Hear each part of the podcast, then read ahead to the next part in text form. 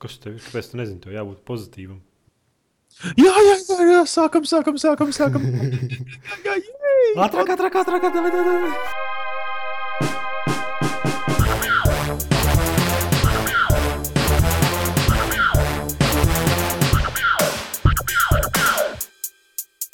Sveicināti komunālajā cilvēku podkāstā numur 92. Ar maniem kopā šodien Klaus un es esmu Edgars. Un. Čau! Jē! Ātrāk!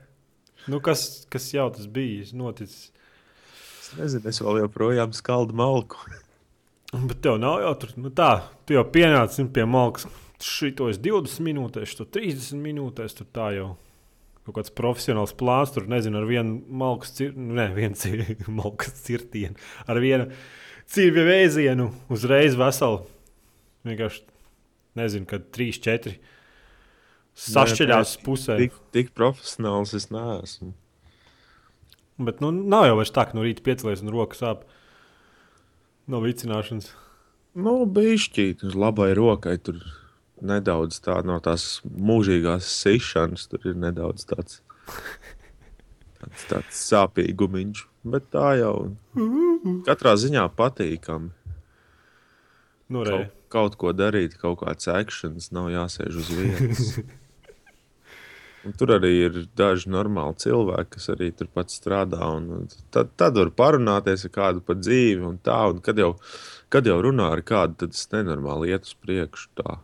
Ātri. Jā, kaut kādos deviņos no rīta tur aizbrauc, paklačojos, bišķi papīpāju, skatos, o, 11. Jā. Skaisti. Jā, ir pusdienas ēst. Labi, ka pat cirvis vēl rokās nav paņemts. nu, re, Nu, nu, jā. nu, es, es, es biju ārzemēs, tur Dānijā, Zviedrijā. Mācībās bija un nekas jautrs. Tur nebija izņemot, redzēju vienu no pasaulē garākajiem tiltiem. Kas, Jā, es Twitterī skatījos, man liekas, tur bija bilde. jā, jā, jā. Tur Izskatījās jau iespaidīgi. Ne, diezgan iespaidīgi. Jā, mēs bijām tik gudri, nu, tā kā mēs latvieši mums pofīgi, mēs uz tilta apstājāmies. nu, to, to noteikti nevajadzēja darīt, kur nu vēl kāpt ārā, jo fūrēm bija grūti apbraukt. un Tur, nu, ņemot vērā, ka tā ir Dānija, tur vispār visi brauc nu, tā, tā mierīgi uz 140, 150.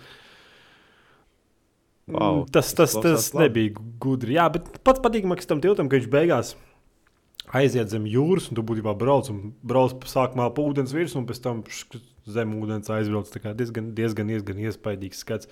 Bet, nu, jā, nu, Dānijā, Zviedrijā tur viņi tiešām jocīgi brauc. Nu, ka tu pats brauc uz 150, un tev garām panesās un aizbrauc uz priekšu. Nu, tā. Nu, bet tur jau arī ceļu kvalitāte ir. Nu, jā, jā. Tur Pa vispār- Latviju tu pa vairākiem ceļiem, tu braucot uz 150, tu hokeja rīpas zobos sagrauzīs. Nu, tur ir tā, jā. Nu. Un pēc Kā iebrauc varēs. Latvijā, bet tā bija. Bet īpaši, ka iebrauc dobelē, kas sāc kratīties vienkārši. Nu, Kad tu brauc, kad redz, ka tas nav ceļš, bet nu, kaut, kaut kāda šķērsla josla. Nē, bet nu, te, te jau arī visu laiku kaut kāds, nezinu, nav, nav sakārtots tas, kā viņi kaut ko remontē. Tur, kur es to malku skaldu un visu, nu, reč man draudzenes vecstāvam tur pieder tas tāds liels uzņēmums. Un pie viņiem reāli būtībā vairs klienti nevar piebraukt, jo tur iela ir uzrakta. Visi, mm -hmm. Viņi tur maina kaut kādas gāzes trūkumus. Nu, viņiem teorētiski tur vajadzētu arī ielikt šo te nevis kanalizāciju, bet nu, kur no ielas ūdens notek. Un Par šito mēs prasījām. Nē, nē, mums nekas nav teikts, nekas tāds nav jāliek. Kā tad uzliks jaunu asfaltu, kad pusgads paies? Ah, nē, mums kanalizācija vajag jaunu asfaltu, braus atkal nost. Un... Ai, tas ir tas tāpēc, ka latviešu likumdošanā viss tas, viss tas projektā, viss tas sakārtots un sapnis ir. Nu, Nu, piemēram, uz plus, dobu- plus vēl tas, ka daudzreiz pie tiem projektiem. Nu, Viens, viens kaut kāds vadītājs atbild par to gāzes vadu ievilkšanu, kāds cits par to kanalizāciju. Nu, Nu, jā, tie, jā. tie katrs savu skolu pabeiguši, katrs savā sāģā dzīvo, nevar sakomunicēt. Un... Nē, nu, es tieši par to arī gribēju teikt, ka mums ir doblē to vienu ceļu taisīt. Tur, tur asfaltu, bruģi lika, tur kaut kādas lampas, elektrība un būtībā kaut kādas desmit firmas. Viena roka grāvi, viena, viena bar grunti, Jā. viena lai asfaltu un t- tur pilnīgākā pakaļā. Nu, tāpēc, ka viņi iziet, kurš lētāk to māk darīt, atrod tur desmit firmas, kuras vislētāk kopumā to māk darīt. Bet, nu, Gala rezultāts nekāds, jo neviens tur ne nekomunicējas. Un būtībā, man liekas, mums Delfos pat bija bilde no Dobeles, kur elektrības būdu paņēma un ieblieza pa vidu trotuāram. Burtiski pa vidu vienkārši. Nu, tā iet trotuārs un pa vidu elektrības kaste. Nu, Visu... Liepājā tā ir daudzās vietās, kur ir šis veloceliņš. Nu, jā, jā. Normāli, normāli brauc ar riteni un pēkšņi viss tev stāps pierē. Tāda. Tas tāds kas tas, bet Delfos nofilmēja, tad viņi pārlika bišu uz sānu. bet nu, tas ir debilākais, ko es redzēju. Nu, kurš normāls cilvēks? Bet man liekas, tur atkal bija tas saplānots tā, ka elektriķi uzlika to kasti. Beigās tie, kas ceļu lika, saprata, nu, kad iet pa viņu, pa vienu trotuāru. Tā kā viņiem pohuļ, viņiem jāizpilda normas, un viņi vienkārši apkrāmēja bruģi apkārt un pabeidza un nodeva objektu. Un... Kroč, Nu, pilnīgi, pilnīgi, pilnīgi visiem vienalga. Viņi vienkārši nu, izdara. Nu, vecais teiciens, kreisā roka nezina, ko labā roka dara. Jā, jā, jā. Tā. apmēram visi ceļi. Tā varbūt visa Latvija būvēta. Savu spožu nākotni. Paldies visiem par to. nu, re. Ko vēl pastāstīt? Garšīga kafija. Jā. Man, man bija mājās tikai šķīstošais. Es nezinu, kurš no mums mājās nopirka šķīstošo kafiju, bet es neko pretīgāku sen nebiju dzēris. Nu, tā kā es dzeru parasti ar cukuru un pienu, tad jau, tad jau tik, tik ļoti to pretīgumu nejūtu. Es nezinu, kāpēc jāpaņem tik labs produkts kā kafija un jāuztais viņš sliktāks. to, jau, to jau izdarīja, man liekas, lai, lai būtu vieglāk transportēt kaut kad sen, sen, nu tad, kad viņi. Nu, kā samaļ, nu, nezinu, iep... nu jā, bet, bet tu zini, kā šķīstošo tā izsaka. Nu, viņi izvāra Viņ... pupiņus, vai ne? Pēc tam kaut ko nokāš, kaut kādus tur tos nu, kaut kā tā, filtriem, jā. jā. Nu, nezinu, kaut kas uzglabāšanai, vai kas tur labāks bija.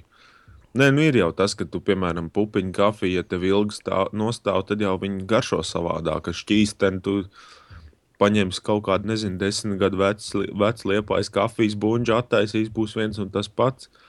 Viena no, tāpat pretīgā garša. kā pirms desmit gadiem, kā tagad. Jā. Nezinu, man liepais kafija vienmēr, nu, tā kā citās skārdu vai kādās buļbuļsās. Tā man vienmēr ir likusies tāda bombuļu kafija. Nē, nu, man, man vecmata, nu, kā vecs cilvēks, zin, kā pieraduši, viņi negrib. Nu, nu arī, jā, ja pieredums tad jā. Es gribu, negribu iedziļināties, bet man, bū, man būtu daudz pasakāms, interesants lietas par, par ko? Par ģimeni, par ģimeni kas manā ģimenē notika dažos brīžos, ka veci cilvēki bija atbildīgi par tādām lietām kā kafija. Bet, nu, labi, neiedziļināsimies. Oh, tas Nē, ir interesanti, ka veci cilvēki kaut ko sāk, sāk fīrēt. Jā, jā. Labi. Es nezinu. Nekas Dānijā, Zviedrijā jau tas nenotika. Liepā arī nekas īpašs. Jums tur jumti stāv, nebija vētra kaut kad. Te. Vismaz... Kaut kad bija, es zinu, ka otrdien, trešdien visu laiku līja lietus. Mm -hmm. Kā man ierasts kaut kādos, nezinu, tur septiņos, pus astoņos piecelties, nu tā, padzert kafiju, paēst un tad braukt to malku skaldīt. Es vienu dienu pieceļos, tur pāēdu, visi aizēju uz virtuvi, nu, ķipa kaut kur bez desmit, deviņos mēs apmēram braucam, kaut kā tā skatos. Draudzens vectēvs vairs nekur nav, mašīna nav. Tā nodomāju, ka nu, sūdi būs. Nu, šis sadusmojies, ka es nokavējos esmu vai kaut kā tādu. Beigās izrādās, viņš nav, nav nevienam neko pateicis. Viņš aizbraucis un ģipa paliec, laika nav ko skaldīt. es stāvu gaidu, what the fuck, kas notiek. Bet, nu, jā, tas lietas viss nočakarēja. Tur. Iedomājieties, pēc tam viss skaidrs ir slāpījis, un tu tur mīcies pa tādu pļūru. Oč? Es nezinu. Izklausās lieliski. Nu, es domāju, mūsdienās daudz, daudziem vajadzētu visādiem tagad uzaugo, uzaugušajiem sīčiem vajadzētu pamēģināt paskaldīt malku. Jums jau tā kā sazāģēt viņu? Ja? Nu, tur ir. Tur ir būtībā no meža atvest baļķi, un tos sazāģēju, un tad es viņus tur skaldu un krāmēju. Un, jā. Skaidrs. Es ievēroju, ka man, man viens biceps ir lielāks par otru tagad. Nedēļas laikā. Uh, Divu nedēļu laikā. Divu, jā. divu nedēļu laikā. Nē, nu tas, tas jau tāpēc, ka viņš ir pirmkārt viņš ir piepāms. Tā kā, piemēram, arī uz svarenu tu aizēji pēc, pēc svarenes, tev jau ir, nu, viņi ir sapāmpuši kādu laiku. Mm -hmm. Piedzīta ar asinīm. Man tur ir vienkārši, nu, kā tu krāmē malku, tu jau visu to klēpu uzkrauj uz vienas rokas. Nā, Tā, nu, padomā, divas nedēļas visu laiku viena roka ir tāda apkrauta, un tad, tad ir tā, ka viena jums roka tur nav kaut kāds konvejeris. Nu, ķipa, viens tur skalda, viens krāmē. Tur, tur Nē, nē, citiem ir savas lietas jādara. Tur viens, kas stikls griež visādas spoguļus, tas tur nāk pie manis, tur parunāties, kaut ko ik pa laikam palīdz. un tā. Nu, Ziniet, kā nav ko darīt, un uz vietas negribās sēdēt. Viņš nav klasiskais Maksims strādnieks, kas pie katra izdevīga brīža sēdēs stūrī un, un kasīs. Mhm. Nē, nu viņiem jau ir attiecīgi maksā par to. Visu cieņu, ja, ja viņi maksimāli var pasēdēt stūrī un pakasīt, tad tu dari kaut ko pareizi tajā darbā. Labi, iesim nezinu pie spēlēm. Labi. Kāpēc spēlēji Betrayer? Kas tas vispār ir? Vai? Tā ir kaut kāda. Es pat nezinu, kas par žanru. Tur jāskatās, ka, kā stīmā viņa nosaukt, bet tāda action, adventure, varbūt nedaudz horors. Nē, nu, kraču spēle, kur būtībā viss ir. Tur ir trīs krāsas, melna, balta un sarkana. Tā. Tikai tādās krāsās. Nē, nu, it kā ir iespēja uzlikt krāsaini, bet, uh, kad ir parastās krāsas, un tā, tā spēle vairs neizskatās tik iespaidīgi, jo, jo tā trīs krāsu gama baigi, baigi piedod savu tādu atmosfēru tajā spēlē. Nu, viņa nav tā kā nomācoša, zinu, ka sarkanā krāsa diezgan nomācoša tāda. Vai tā kā melnbalts, es nezinu, kā. kā. Nu, tur ir būtībā viss ir melnbalts un tādas kaut kādi, piemēram, pretinieki, kas ir vai kaut kādi objekti, ar kuriem tu kaut ko vari darīt, tie ir sarkanās krāsās ietonēti. Un, un, Uh -huh. tā ļoti izceļas uz fona. Es arī no sākuma skatoties screenshots, nu, screenshot jau stīmā ir smuki. Bet tā es no sākuma domāju, ka viņi nebūs diezko tāda, nu, nu arī kā ātrā acis nogurs, bet es viņu kaut kādu, nezinu, stundu, cik nospēlēju, tas jāskatās stīmā. Un, un, un ļoti, ļoti tāda interesanta. Tā, ka, nu, visu laiku jāmeklē kaut kādas tur. Tu esi uz salas izmests cilvēks, un tu nezini, kas notiek. Vispār spēles sākumā netiek pilnīgi nekas pateikts. Nav nekāds intro video, kā tu tur esi nokļuvis. Ir vienkārši tu esi uz salas izmests, tev aizmugurē ir kaut kāds tur salauzts kuģis un viss. Ej, tā. -huh. un, un, un, nu, tāda interesanta uh, adventure, varbūt ne puzles gluži, ne, bet nu, tāda. Interesanti spēle. Es domāju, ka kaut kad, uh, es nezinu, pēc cik ilga laika, bet būs apskats arī. Jo, jo nu, es paprasīju, vienkārši es ieraudzīju stīmā, beidzot kādu smuku spēli, jo es parasti tur izēju kaut kādām, nu, paskatos jaunās, jaunās spēļu relīzes, izēju kaut kādām piecām lapām cauri, nav nekas tāds interesants. Un tad šī ielēc acīs un, un, un paņēma. Bet tā, tā kā atkal izdzīvošanas spēle, tā kā nu, tīri ej kaut ko tur vāc, kaut ko taisi, kaut ko krafto un vienkārši centies Nu, izdzīvot. jā, krafto tur nav. Tur ir tāds zem līmeņa fārkrājs vai kaut kā tā. Nu, akcents, bet tur nevar nomirt. Pareizāk sakot, ja tev kāds novāc tur kaut kādā ciematā atzīmsti un, un, un ej atkal savāc savus mantiņus, kas tev pēc nāves ir izkrituši. Un, Uh -huh. nu, karoči, ka būs apskats, tad varēs vairāk. vairāk. Bet saka, ka ir laba. Ja? Jā, man vismaz patīk. Ne, daudziem varbūt nepatīk tas, kad, kad tā krāsa gama ir tāda, un kad uzliek eh, krāsainu visu, tad tās krāsas ir tādas, nezinu, tā pārāk spilgtas vai kontrastainas, un nu, tad vairs nav tik smuki. Un, plus vēl izskatās tajā spēlē, ka tas melnbaltās krāsas ir uzlikts, lai, lai, lai, lai cilvēki nevarētu ievērot tik ļoti to, ka tas nav pavisam. Nu, grafiskām padauzām domāt tā spēle. Nu, lai apslēptu to. nu, vienkārši, uz, eh, kad ir tās trīs krāsas, tikai tad jau nevar ievērot tā, tur, cik pikseļi ir koku lapām un tā tālāk. Uh -huh. Un, kad ieslēdz krāsu, tad var uzreiz redzēt, ja, cik pikseli ir. Nu, Nu, uz divi. to pusi, jā. Bet, bet kopumā tā spēle izskatās vizuāli ļoti labi. Uh -huh. Un, un spēles process ir tāds, ka visas kontrolas ir precīzas un tādas intuitīvas. Nu, kad tu vienkārši, ja tu esi cits kaut kāds šūteris spēlējis vai ko, tu jau uzliec rokas uz klaviatūras, tu zini būtībā, kas, kas darbosies, kādā veidā. Un Uh -huh. nav tā kā citās spēlēs, ka tev tur 150 pogu kombinācijas lā, jāzina, lai pietuptos vai kaut kā tā. Nē, man nu, tāda problēma. Es domāju, ka visām spēlēm vajadzētu pat uz PC, ja viņas nav spēlējamas ar kontroli, viņam tik un tā vajadzētu izveidot kontrols tāzliņus, būtu spēlējams ar jūsu kontroli un tad kaut kā portēt uz standarta klaviatūras, lai tiešām nav kaut kādi tur kā burti jāspaida vai tur shift kontroli vai vezin, nezinu kas. Jā. Lai tiešām būtu tā kā, nezinu, tas pats Counter-Strike kontrols, man liekas, jābūt visām būtu spēlēm. Vienādām. Nu jā, standa, standarta šūteru kontrols. Jā, tad jūs varat tur būt pāris blokus pievienot. Nu, skaidrs, labi, es gaidu apskatu. Mm -hmm. Bet es, es tiešām nezinu, cik ātri tas būs. Es centīšos to spēli Rīt. iziet, cik man būs laiks un, un, uz- uzrakstīt. Bet nu, Mhm. līdz ar to lietu, tur tā malkas skaldīšana iekavējās. Es...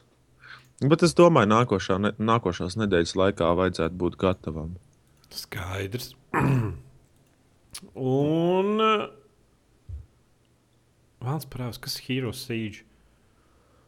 Uh, kaut kāds hack and slash pixeļu jūra kaut kā tā.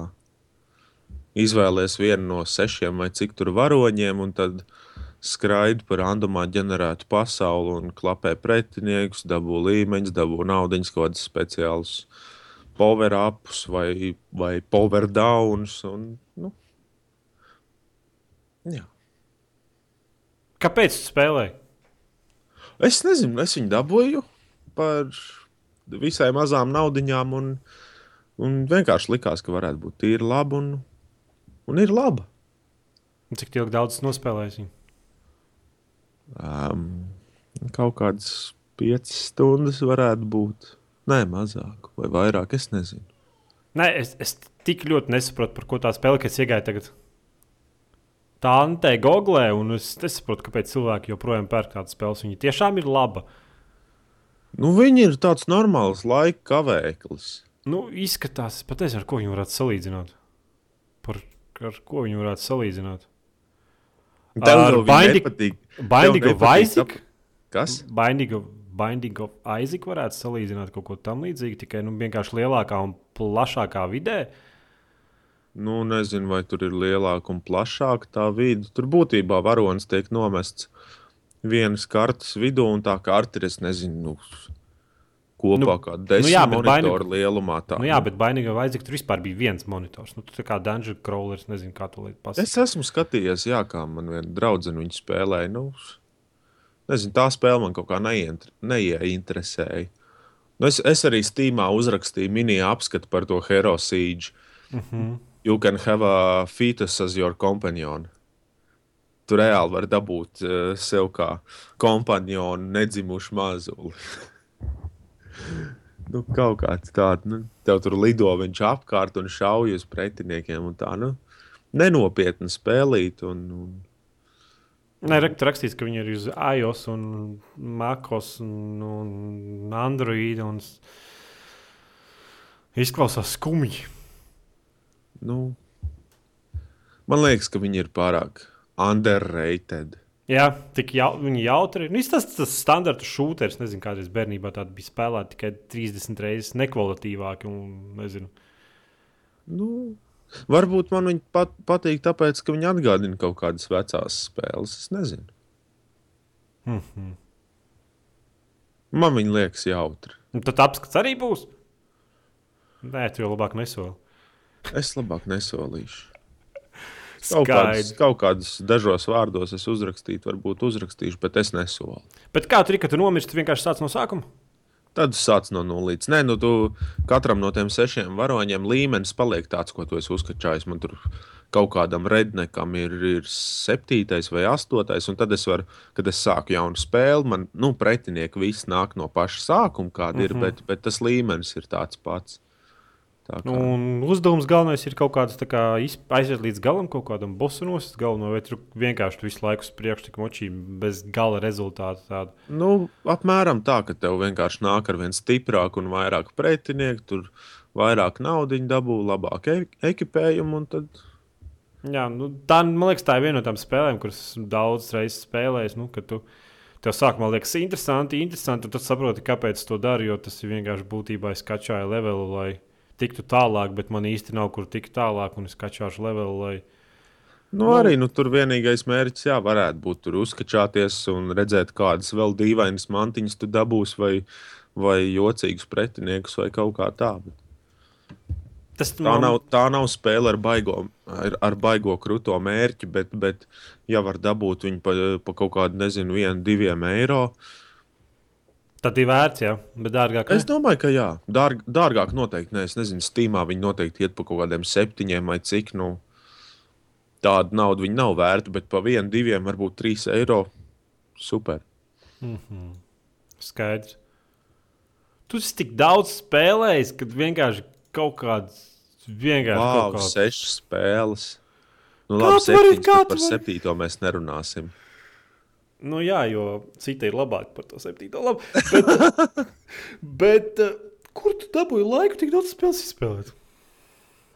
Nu, es nezinu, man viņas komps, kamēr es skaldu malku, ir atstāts, lai nokačājās kādu no viņām. Tu Es atnācu atnāc mājās, nu, Ieslēdzies un viss. nu, paspēlēju kādu brīdi un kaut ko citu padaru, un, un vēl kaut ko padaru. Un, un tad jau laiks likties slīp, jo nākošā dienā atkal jāceļās un jāiet skaldīt malku. Nē, pats interesantākais, nu, ka tu viņus dabū kaut kur. Nu, tāpēc, ka es, piemēram, nevienu no tām, no tām spēlēm pēc pirmā screenshota pat nu, nepirktu. Pat, pat ja man pavēlta, man liekas, dots viņas neinstalētu. Nu. Un tad tu beigās. Tur jau ir tā problēma, ka tu nekad vairs tas stīms ir tik piedirsts sūdiem, ka nu, nav vēlmes tā Nu, es, pamēģināt. saku, es, man. es arī regulāri es domāju, paskatīties, nu, tā kaut ko apskatām, kaut ko paprasīt. Nu, tādu, kas tiešām man ieinteresētu. un Es izgāju pēdējo reizi, man liekas, vakar vai aizvakar, kad es dabūju to Betrējeru. Draudzene arī sēž blakus, skatās, nu nav neviena spēle, kas, kas izskatītos interesanti. Mhm. Vai nu, vai nu viņas liekas tā, ka šī tādas es esmu jau 110 redzējis, Mhm. vai tas ir kaut kāds atgramojums, vai viņi vienkārši izskatās pēc. Jā, jā, bet īstenībā viņās jau daudz slēpjas tiešām labas spēles. un Tu pat, nu, pat, nu. Bet tu nevari iedziļināties, tāpēc ka Steams ir palicis tik slikts ar to, ar to nu, prezentāciju, lai pateiktu tev, ka tā ir spēle labi. Nu, ka tā galvenā lapa, ko tu atver, mm, tur viena sūdi kaut kāda, kuras pat, nu, pat, pat negribi klikšķināt virsū, Nu, jo tu jā. redz pēc nosaukuma kaut kādu. Plus vēl tas, ka būtībā es uzskatu, ka nevar paļauties uz tiem reviewiem, kas ir, kas ir Steamā. Vai arī kur nu vēl uz kaut kādiem metakritikiem. Jo, jo ja, ja kaut kāda spēle tu gribi uzzināt, nu vai, vai viņa ir vērts pirkt vai nē, ir baigi pašam, baigais research jātais. Ir jāmeklē visur informācija un viss, jo, jo daudzas tās spēles ir tie apslēp, apslēptie dārgakmeņi, ka tu, viņi izskatās Jā. sūdīgi, viņai metakritikā ir, nezinu, tur 50 punkti. Visi cilvēki viņi saka, ir sūds, bet tad tu viņu tomēr nokačā un wow, man viņa patīk. Un kaut kā tā dažreiz gadās. Skaidrs. Labi, tu vēl spēlēji Fear. Pirmo. Bailes. Jā. Kāpēc? Tu nebiji spēlējis nekad Fear? Es neesmu spēlējis pirmo, tāpēc ka man. Es, es biju pirmo spēlējis, kad viņš iznāca, man liekas, kaut kādās Jā. pirmajās dienās, bet tas bija wow, tas bija sen. Un es viņu arī diezgan tālu netiku, bet tagad es viņu paspēlēju. Un...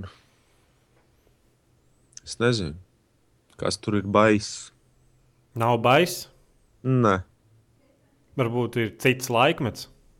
nu, to es, to es arī ņēmu vērā. Es sapratu, ka, ka tā spēle ir ļoti veca, bet arī es teicu, tajā laikā jau ļoti daudz spēles spēlēju, un, un tā viennozīmīgi nav baisa spēle arī priekš tā laika standartiem.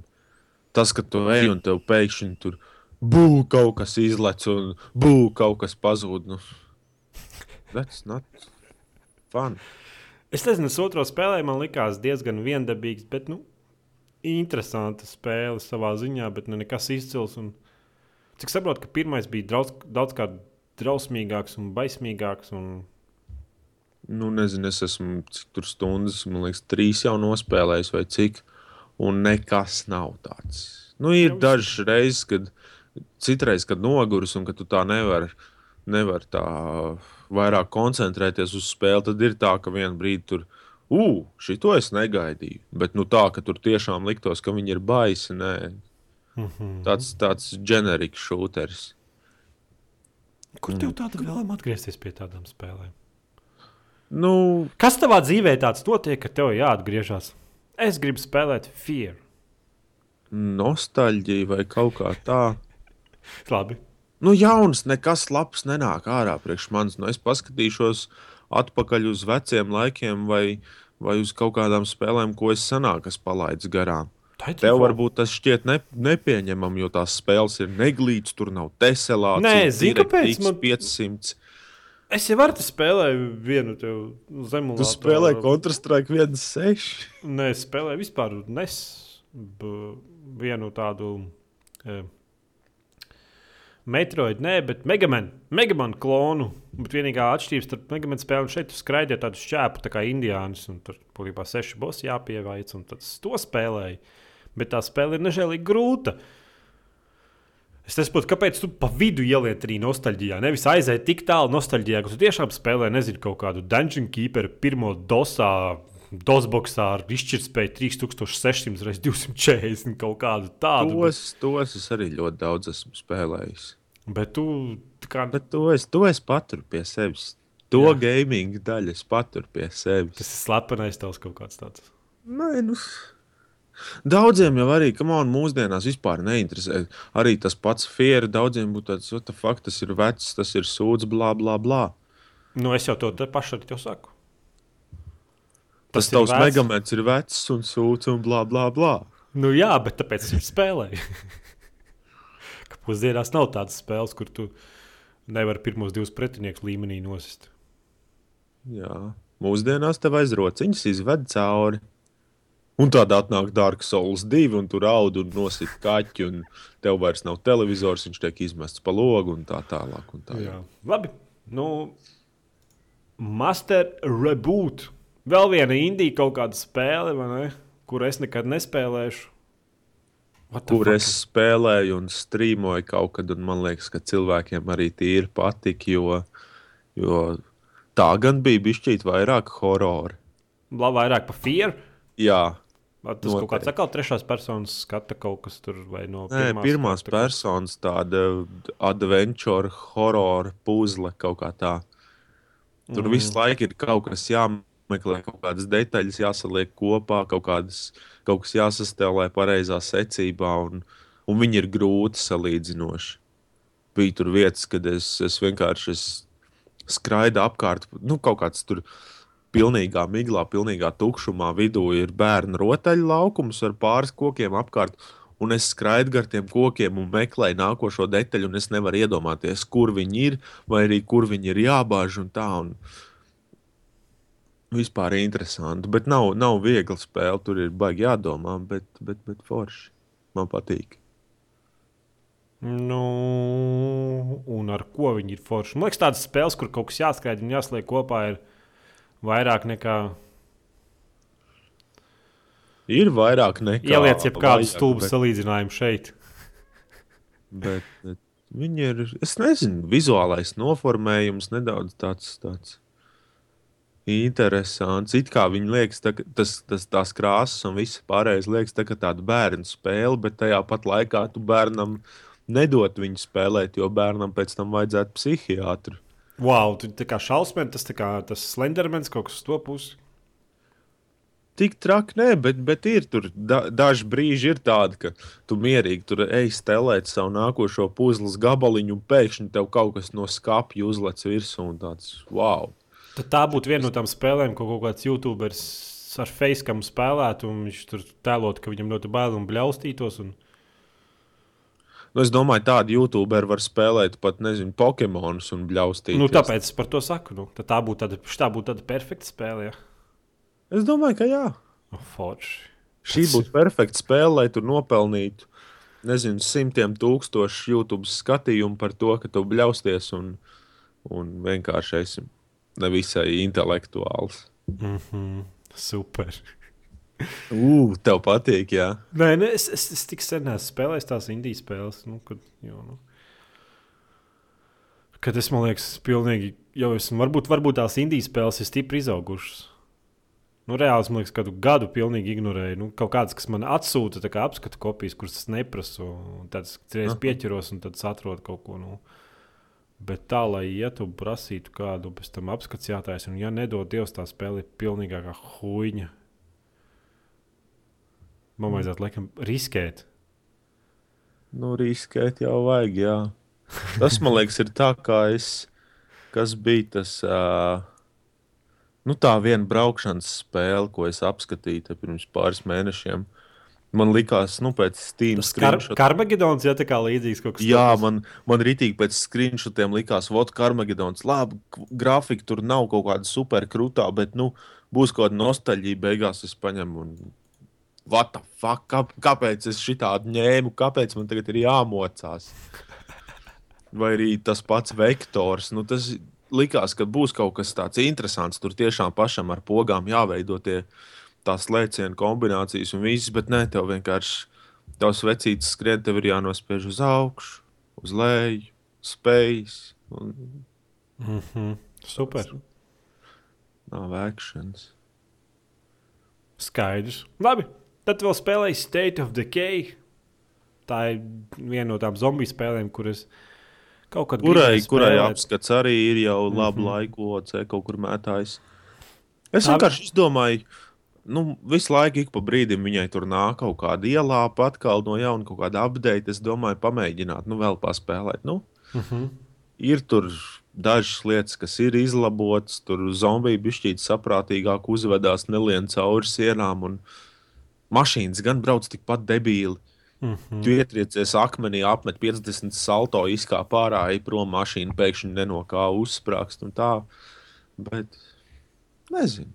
Nē, es zinu, ka tu daudz tiešām lielī to spēli. tā Kā, tāpēc, ka, nu, nevis daudz, kas ir uz PC, bet daudz, kas spēlē tieši konsoļu versiju. Uz konsolēm jau nav tādas spēles. Nu, tā kā DayZ, piemēram, vai nu, vienalga kaut kāda tādas tur, tur tas. Kas pēdējais, kur tiem akmeņiem skraida, plikiem pimpiem. Rasts. Rasts, jā, tāds spēles. Tad viņam tāds state of decay likās, nu, kaut kas, nu, kaut kas no tās pasaules. Un, tad es domāju, vai tiešām tā PC versija, vismaz grafika, ir beidzot uz, uzlabota kaut kas. Nu, Nu, tev viņi ne, neliktos pietiekoši skaisti. Nu, labi, Tur- bet nu, vismaz kontrols, ju, nu, lai laikam kontrols. Kontrols ir labs. Nu, vienīgais šaušana man liekas tāda, nu, nu ka man es šūteris esmu daudz spēlējis, un es, es, es domāju, ka es esmu ļoti labs šāvējs, bet tur ir tā, ka es bieži vien tādam pusmirušam zombijam, kurš tur kustās ar, nezinu, trīs metru stundā ātrumu, es viņam nevaru galvā trāpīt. Izšauju Mhm. trīs, četras lodes, un es viņam netrāpu. un Tas man liekas tāds. Tā, tā šaušanas mehānika tāda stulba, bet viss pārējais. Nu, Bet tad nu, tu, tu saki, ka tas varētu būt tāds uh, Daisy vienspēlētāja režīma kaut kāds simulators. Kaut Jā. kādā jēdzīgā vienspēlētāja režīma kampaņā. Jā, šis ir tīri labs. Labi, tur skaņas, nu, voice acting ir tāds. Pilnīgākā pakaļā. Nu, jā, tur pašā spēles sākumā tu paziņo kaut kādai sievietei, ka ķipa, tu esi nošāvis viņas senci vai ko, nu, ka viņš pārvērties par zombiju un tā un tā. Ah, nu man jau likās, ka viņam kaut kas noticis. Blā, blā, blā. Mhm. Ejam tālāk. Tāds, Forši. nu, zero fucks given. Tā, tādās vietās, kur vajadzētu būt tāds, kur parasts mirstīgais sāk bļaut, ah, zombiji vai kas tur. Ah, atkal tie tur nāk. Labi, iesim nosist viņus. Mm -hmm. Čipa Taņa no otrā paģezda sarakstīja scenāriju, un Viktors no trešā stāva Jā, jā, jā. ierunāja. Kaut kā tā. Tāds nu, tiešām pilnīgais pohoisms daudzreiz tur ir. Skaidrīte un rudīte. Es, man, man, man vienmēr gribās to spēli spēlēt, bet nu, izklausās nu, tā, nu, tā, ka, nu, nav, nu, tā, ka man nav laika. Nu, un viņā ir lietas, kas liek vilties visu laiku. Arī uh, man liekas, tur viss ir labs, izņemot, izņemot visas tās cīņas daļas, kur ir kaut kāda slaktēšana vai kas, jo arī zombiju sišana ir. Ir vienkārši, tu pie, kad tu esi tuvumā zombijam, tad vienkārši klikšķini pels pogu un viss.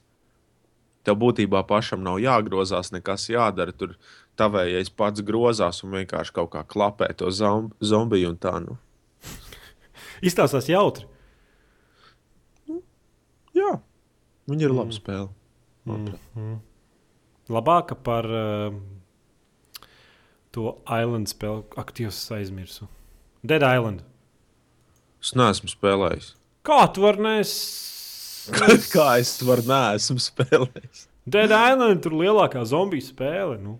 Nu, kad viņi iznāca, tad man nebija tehniskās iespējas viņu palaist, jo, jo mans portatīvais būtu aizrījies ar viņu. Mm. -hmm. Tagad man viņi Oi. nav kaut kā, ķip, nav vēlme. Varbūt, kad viņi būs tikpat veci kā pirmais Fier, tad es viņu pamēģināšu. Jā, tu pagaidīsi, ka viņi būs veci. Nu, jā, skaidrs. nu, tagad man viņa kaut kā neinteresē. Tu Nu, skaidrs. Nu, lai jau viņš, mans suns arī bieži piedalījās šajā podkāstā, tā kā viņam var.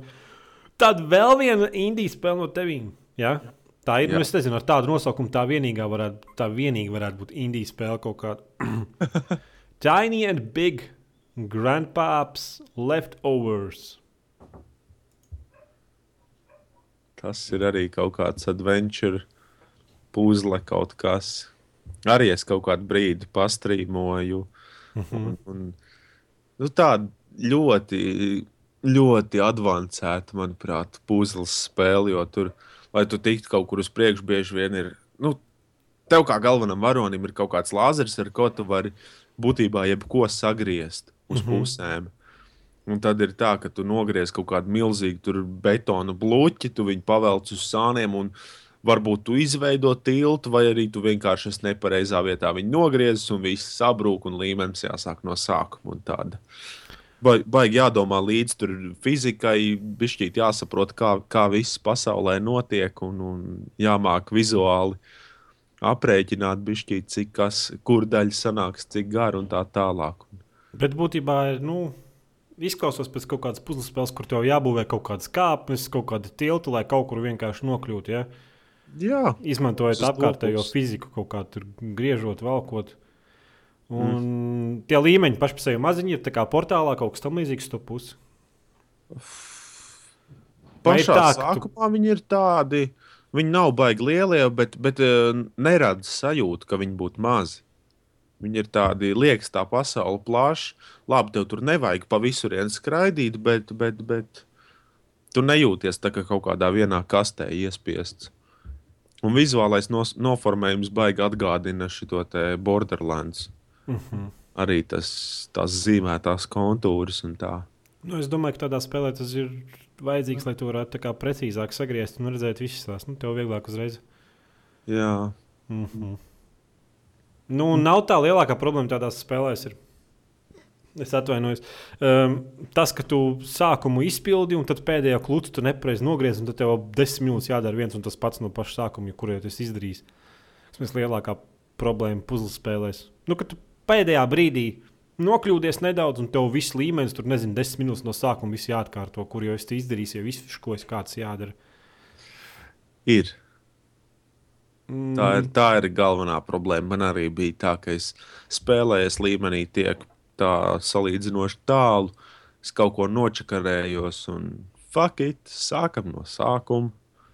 Un tad tev tas besīk, ka tu jau bez mazājies, tev jau ir refleksi izstrādājušies, kā tu tās lietas vari izpildīt. Un tad tādas piecas minūtes tu vienkārši skrieni un gaidi, kad tu tiks līdz tai vietai, kur tu netiki tālu. No, tur nav kaut kāda tikai iespēja, nezinu, kā pēdējā laikā tur bija forzās un visās citajās pēdiņās simulatoros braukšanas, kad var pagājis Laiku laiku atpakaļ. atpakaļ. Jā, Nav.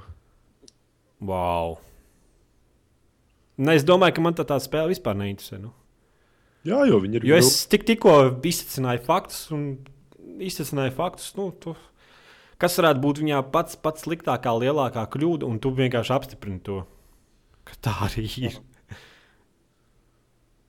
Nu.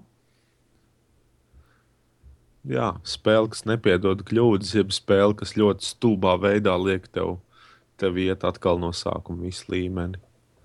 Runājot par spēlēm, kuras tev liek iet no sākuma visu līmeni. Es vakar līdz četriem naktī spēlēju Dark Souls. Uh.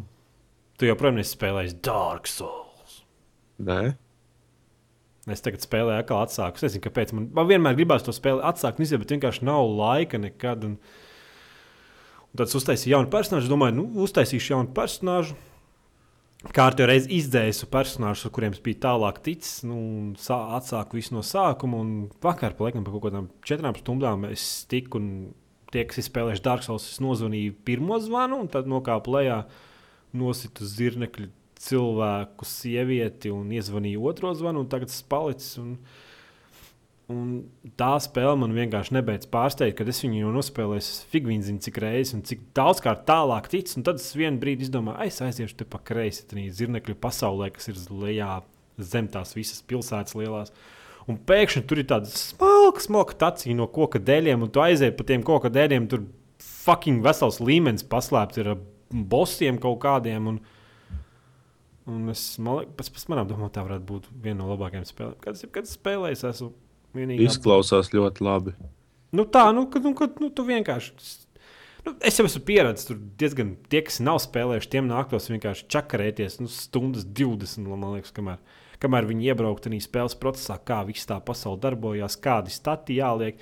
Lielākā problēma tajā spēlē tas, ka tur, ka tur nu, tu, daudzas parastas lietas nav izskaidrotas, kuras vajadzētu izskaidrot. Piemēram, kā darbojas strēļš, kā darbojas stamina, kā tas iedarbojās uz ieročiem. Nu, tādas lietas, kuras tu es nezinu. Ja, tu, ja tev pašam vajadzētu to visu izskaidrot, tev būtībā jātaisa būt Excel spreadsheets un, nezinu, desmit reizes jāspēlē tā spēle līdz kaut kādam 30. līmenim un jāskatās, kāda atšķirība par, kad tu esi uzskačājis strēņģu vai kad tu uzskačājis strēņģu. Nu, jā, nu, nu kā tu uzskačā līmeni? Strēņģi, nevis strēņģi. Ai, mēs Latvijas. Ak, tu uzskačā sev dīvainību. nu, arī nu, var tā teikt. Nu, būtībā nu, tas, tas, tas, tas process man nepatīk. Un tagad šobrīd atkal ir vēl viena lieta, kas, atkal, kas īstenībā nepadara to spēli grūtāk, bet tu nevari resetot stat pointus. Un šobrīd esmu paņēmis vienkārši milzīgu, milzīgu zobenu, kas ar vienu, vienu cirtienu būtībā viss piedzina pie zemes. Bet, uh, Problēma tā, ka viņš ir ļoti, ļoti lēns un šaurās vietās, kur ir pretinieki, kas ātri kustās. Viņš ir pilnīgi nekam nederīgs. Man gribētos tagad apakaļ aiziet uz kaut ko ātrāku, kaut kādu garu pīķi, kur varētu ātri tā, cik, cik iedurt, varbūt ne tik liels damage. Bet tu to nevari izdarīt, jo tu būtībā esi investējis tajā strangā tik daudz punktus, ka tu esi papisis līmenis un tā. Bet nu, tā spēle ir fucking lieliska. Es nezinu. Es biju vienkārši pārsteigts. Nu, ka, Tik interesanti, ka tu nokļūsi jaunā, jaunā vietā un saproti, ka jebkurš monstrs tev, jebkura kustība tev var vienkārši nogalināt nepareizu kustību. Tas piedod pilnīgi jaunu to spēlēšanas līmeni, tādā grūtības pakāpē, ka tu, ka tu ej pa līmeni, kurā būtībā varbūt ir pieci, pieci pretinieki, tur nezinu, un tu, tu vienkārši lēnu garu pa vienam solītam skaties, uzmanīgi visu izplāno kārtīgi. Un, Un vēl kas ir tas, ka tu mēģini, ja tu to pasauli tā nu, vienkārši skraidi apkārt un skaties, kas ir apkārt. Tu daudz ko interesantu atrod un labu gieru atrod. Tur sākumā man bija tāds, atradu vienā vietā uz tilta mētājās bruņas, kas palīdz pret uh, indi. Un likās, o, oh, tas ir forši. Es tagad varēšu iet tādā līmenī pie tās zirnekļa sievietes, jo tur ir purvs, un kad tu pa purvu ej, tad tev vienkārši tev saindējas. Man būs vieglāk pa to purvu, kā skaitīt, jo man tik daudz dzīves nenoraustos. Un tad aizgāju ar tām bruņām, parakņājos vēl pa to līmeni. Un fucking atrodu vēl vienu pilnīgu setu ar bruņām, kas ir vēl labākas par tīndi aizsargā. Un tad tad es aizgāju tur vēl pa to taciņu uz priekšu un atradu vēl vienu pilnīgi jaunu setu ar bruņām, kas vēl vairāk aizsargā pret tīndi. Uh, nu, tā, ka nu, tās bruņas nav labākas, stipri, bet nu, tāds, tāds patīkams progress visu laiku liekas, ka tu kaut ko atrod un īņķis un tur ieroči. Un, nezinu. Un, protams, pats lielākais gandrības tajā spēlē ir tas, ka tu izpēti apkārtējo pasauli un tur vienmēr ir kaut kas jauns, ko atrast. Un, nezinu, es, man brīžiem liekas, ka kaut kāds Indiana Jones eju, jo tu nekad nezini, kas ir priekšā tev. Man liekas, tas ir baigais lielais. Plus, es nesaprotu, kāpēc ne, nespēlēju vēl Dark Souls. Jo man liekas, tā spēle ir so priekš tevīm. Vienīgā problēma varētu būt, ka kompi vajadzētu spēcīgāk, jo tā spēle ir drausmīgi neoptimizēta. Kaut kā tā. Nu, man jau komps nav nekāds švakais tagad. Nu, jā, jā, bet uh, nu, vēl viena problēma priekš PC spēlētājiem. Dark Souls nav optimizēta priekš PC kā tāda. Viņa vispār intern, tā iekšējā izšķirtspēja ir 720p. Un tā, ja tu uzliec Full HD, tad viņi vienkārši paņemt to matu. Izstiept, jā. Izstiept, jā, bet, nu, tad, un vēl viņi ir lokota 30 gados sekundē, kas priekš tādas spēles. Oi, tas ir pretīgi. Jā, bet nu, tu vari lejuplādēt modu, kas ieslēdz 1080p un atslēdz 60 gadus sekundē, un tad tā spēle fucking izskatās fenomenāli labi. Un, un 60 gados sekundē spēlēt uh, spēli, kur būtībā tur simtaļas. Es nepārspīlēju, tur piemēram, cīnoties ar bosu, tev sanāks varbūt kādas reizes 20 uztaisīt tā kā māņkustību lecienu uz sānu. Aha. Un visas, visas reizes 20 tev tas jāizdara perfekti, tur nu, pussekundes robežā. Jo nē, tad tu tev pusdzīves ar vienu sitienu atraus. Nu, lielākoties man bija tā, ka es vienkārši pieeju pie bosa, viņš jau viens sitienu man nostūris. Bet nu, tā spēle viņam ir domāta vairāk kā kontrolieru spēlēt, vai ne? Nu, ar klavieru tur tu nepaspēlēsi, stipri apšaubu. Nu, redz, nu, tāpēc arī es viņu neesmu spēlējis. Man nav kontrolieris. O! Neteiksim, ka kontrolēri forši spēlēt, jo tas, nu, tas nu, tomēr tas, nezinu, liekas, ka viņi varētu būt šī labāk, bet, nu, jo ir lietas, kas, kas priekš tik grūtas spēles, liekas, nu, pišķi negodīgas, kad, nu, ka tu it kā ej pa kaut kādu tādu margu un pēkšņi, pēkšņi tur noslīd lejā vai, vai lekšana ir ļoti grūti izpildām, kas būtībā tev jāieskrienās, un tad divreiz jāpiespiež B poga. Tā nav vienas pogas lekšana.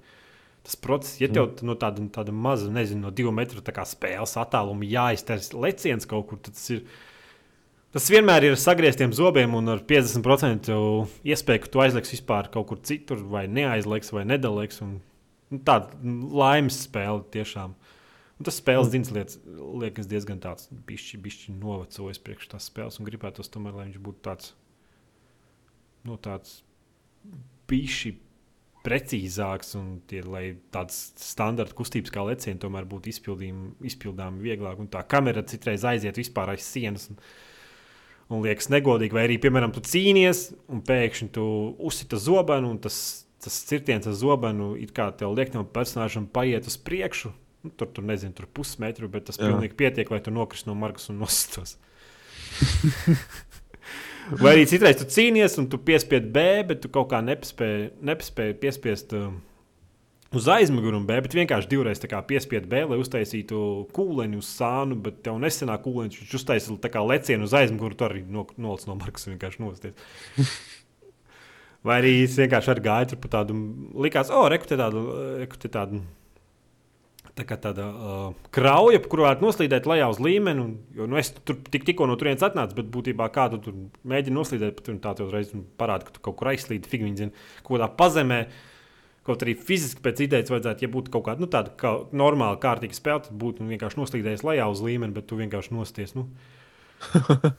nu, tā diezgan, diezgan, diezgan grūti. Nu, un, protams, tas, ka kad jebkurā brīdī jebkurš pretinieks tev var nost. Pilnīgi jebkurš. Nu, bet tas ir forši. Nu, nē, nav forši. Ir gan forši, savādāk. Mūsdienās spēlētāji jau ir pieredzināti pie tā, ka tu visu līmeni var izskriet cauri kaut kādam nūģi baram, kur ar, ar vienu vai diviem sitieniem nomirst, un tad tev ir jāuztraucās tikai, nezinu, varbūt vienu bosiņu pa trīs līmeņiem. Nē, vienkārši nu, es tev pastāstīšu, man dārgs solis tāds nogāja lejā, tur tā, pie zirnekļa cilvēks, tur tā pazemes katakombas pilsētas.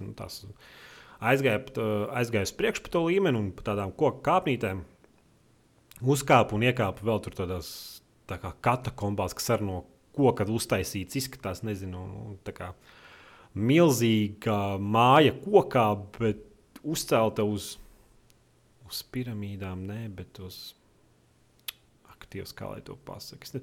Būtībā tā ir tā kā milzīga kā, māja no, no koka dēļiem uztaisīta, bet pie sienas un nereāla augstumā tādā. Un tur es aizgāju, izsitu visus pretiniekus ar pirmo reizi, man liekas, aizgāja, tur viss, viss pretinieks savāca visus tos visas mantiņas. Tur bruņas atrada divus veselus sečus, kaut kādus ieročus savāca un gāja apakaļ. Un es vairs nevarēju aiziet atpakaļ. Jo aiziet atpakaļ izrādījās bija divreiz grūtāk nekā uziet augšā. Un es būtībā reizes desmit nomiru, kamēr man izdevās aiziet atpakaļ vienībā pa to pašu ceļu, kur, pa kur es tik, tikko atnācu. Kāpēc? Tāpēc, ka nu, tur Dārgšalā ir tā, ka, mm, ka tur ir tie ugunskura, pie kuriem tu vari saglabāties. Bet tajā brīdī, kad tu apsēdies pie viņiem, saglabājies, visi pretinieki, pretinieki respawnojās. Jā, Oi. un būtībā, kad tu gāji no turienes, kaut kāds pretinieku, tas, kā viņi stāvēja un cik viegli viņiem varēja piekļūt, bija divreiz vieglāks. Tad vienkārši es lamājos. Un... Bet nu, beigās tiku ar lielām, lielām mocībām. Tiku. Bet tas bija fucking frustrating. Būtībā es pavadīju vienā mazā līmenī kaut kādas divas stundas. Tas ir lielākā problēma Souls, kad Es nezinu, lai iziet to spēli, vajag vismaz kaut kādas 150 stundas. Es noteikti gribētu visu, visu apskatīt. Un beidzot, tā PC versija laikam ir salabota tādā līmenī, ka viņi spēlējām būtībā. Tur ir tāds netieši daudzspēlētāju režīms, kad zina, ka dārgs ka tu vari vienkārši iebraukt citu spēlēs un vienkārši nogalināt. Spēlētāji, kurš Aha. iet pa viens spēlētāju režīmu, nu, viņš iet tur pildīt savus, savus misijas, savus uzdevumus. Vienkārši iebrauc viņu spēlē, viens spēlētājs režīmu spēlē un nost viņu un aizlido atpakaļ uz savu spēli. Zavāc kaut kādas dvēseles par to punktu dabū. Un tad ir vēl viena tāda netiešā daudzspēlētāju režīma daļa, ka tur atstāt zīmes tādas uz zemes paziņojums būtībā. Un te, piemēram, Man tur daudzās vietās, kas man tiešām palīdzēja, ka, kur es nekad nebiju ievērojis spēlēt to spēli. Nezinu, 20 stundas bija nospēlējis, un tagad ceļu pēkšņi, pēkšņi skatos zīmes pie vienas sienas salikts. Pieeju un izlasu no tām zīmēm. O, pamēģinu uzsist pa to sienu, šeit ir neredzama siena. Tur viņam uzšauja pa sienu, pēkšņi viņš atverās. Tur vesels vēl līmenis, būtībā, kurai es garām esmu gājis. Arī daudzās vietās, piemēram, noliec lejā te. Nu, ja es spēlētu savu mūžu, tur nelikt lejā, bet tu izlasi, mm -hmm. paskaties, o, pēkšņi tur, o, forši ierocis atradu šis man noderēs, vai kaut kāds dvēseles, kas tev palīdz uz, uzkačāt, ne, palielināt līmeni. Un tāds patīkami, ka daudz pat. Un galvenais, ka sākumā tur daudz arī muļķības, piemēram, pamēģini lekt te. un tad ieliec un nosties. Jā. Tieši, kad tu sāc stāstīt par tām zīmēm, es jau iedomājos, ka noteikti būs cilvēki, kas kas iedomāsies tā izdarīt, tev likt tā aizās lekt vai vēl nezinu, ko stulbu darīt. Bet tiešām tās zīmes bija ļoti, ļoti patīkamas, ka, nu, kad, piemēram, strīm pa to līmeni, kur tie, nu, tām dēļ pilsētas, kas pie sienas pieklapētā, nu, tur bija vienkārši, es eju zīmu lasu, nē, uz priekšu, grīda, nu, grīda, grīdas tipa sabruks. Es skatos, taču tie dēļ kaut kādi jocīgi beigās, bots palicās, uzlicās grīdas un nokrita un iekrita aizā. Ja nebūtu tā zīme, es simtprocentīgi būtu uzgājis un vienkārši nopisies lejā. So, jo tu tālāk tiec jaunos līmeņos, tās zīmes tiešām palīdz un ir, ir liederīgas. Un ir tomēr veidā kaut kā, ka viņi mēģina palīdzēt tā spēle un citas spēlētāji tev uz priekšu tikt. Es nezinu, laikam jābeidz par Dark Souls runāt. Jā, Tev jau tas monologs sanāca tīri garš par viņu. Tāpēc, ka man nereāli tā spēle patīk. Es nezinu, man būtu. Nē, nu, būtu... izklausās labi, bet, bet kamēr man nav kontrolieris, es. Nē, nē, nē tur nav. Es jā. savu klaviatūru vēlos saudzēt. It kā Dark Souls 2, viss tas būs salabot, būs normāli izšķirtspēja, būs normāli arī spēlējums ar klaviatūru, bet nu, vienalga es neticu, ka būs normāli spēlējums klaviatūra, jo tā spēle prasa nereālu precizitāti. Un... Nu, jā. Tomēr es nezinu, piemēram, tur man bija jāsteigā pa tādām nu, vienkārši šauras, šauras margas, un, un kuras beigās tu ej pa to margu, viņi pēkšņi sāk kustēties pa labi, pa kreisi. Un es nezinu, kā tur klaviatūru tur paspēt. Tur. Tomēr ar, klavi, ar kontroli tur var tā bišķi tā maigāk, tur bišķi pa labi, pa kreisi. No nu, klaviatūra tev būtībā vai nu tikai pa kreisi, vai nu pa labi, vai nu uz priekšu, vai nu apakaļ. Un, un tas virzienu skaits ir daudzkārt mazāks. Un, Tas pats arī, piemēram, es nezinu, es skrienot pa to margu, es varu kontrolēt, varu tikai bišķīt uz priekšu, paspiest, viņš lēnām ies tos soļus. Pagā.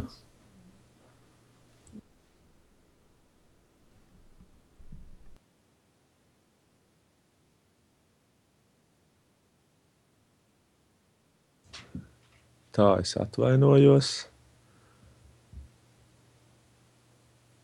Par ko? Nē, man te pusdienās sauc un tā, un te.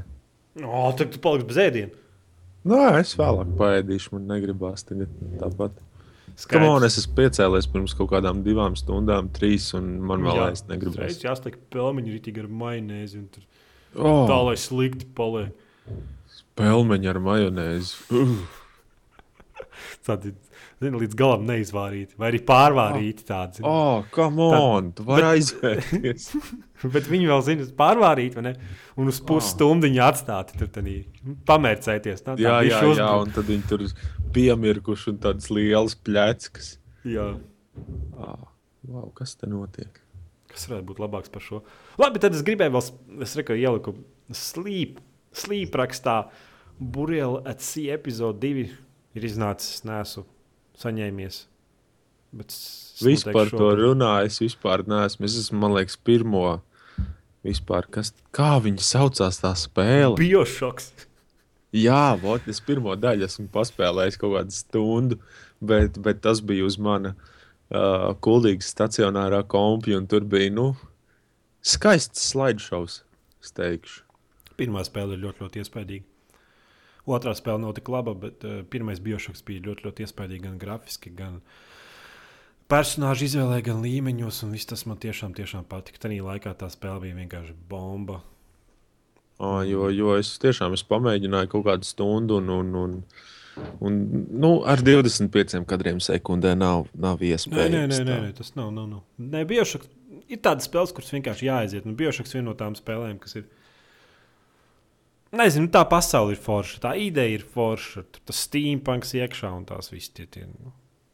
Nu, jā, man viņa arī tāpēc piesaistīja, kad likās, ka tas steampunks, visa pasaule liekas tāda, tāda, kas man tiešām varētu patikt, bet, bet kompim nebija pa spēkam pavilkt. Jā, jā, nu, tiešām izstrādāja, patīkami ir spēlēt tādu spēli, nu, piemēram, nezinu, to, to pašu, ko tu State of Decay. Nu, tomēr tur ir tas, ko tu jau redzēji. Nezinu, kaut kāda pļāva zaļa, veikali, nezinu, kas tur vēl kaut kādas benzīna tanki, mašīnas. Mm -hmm.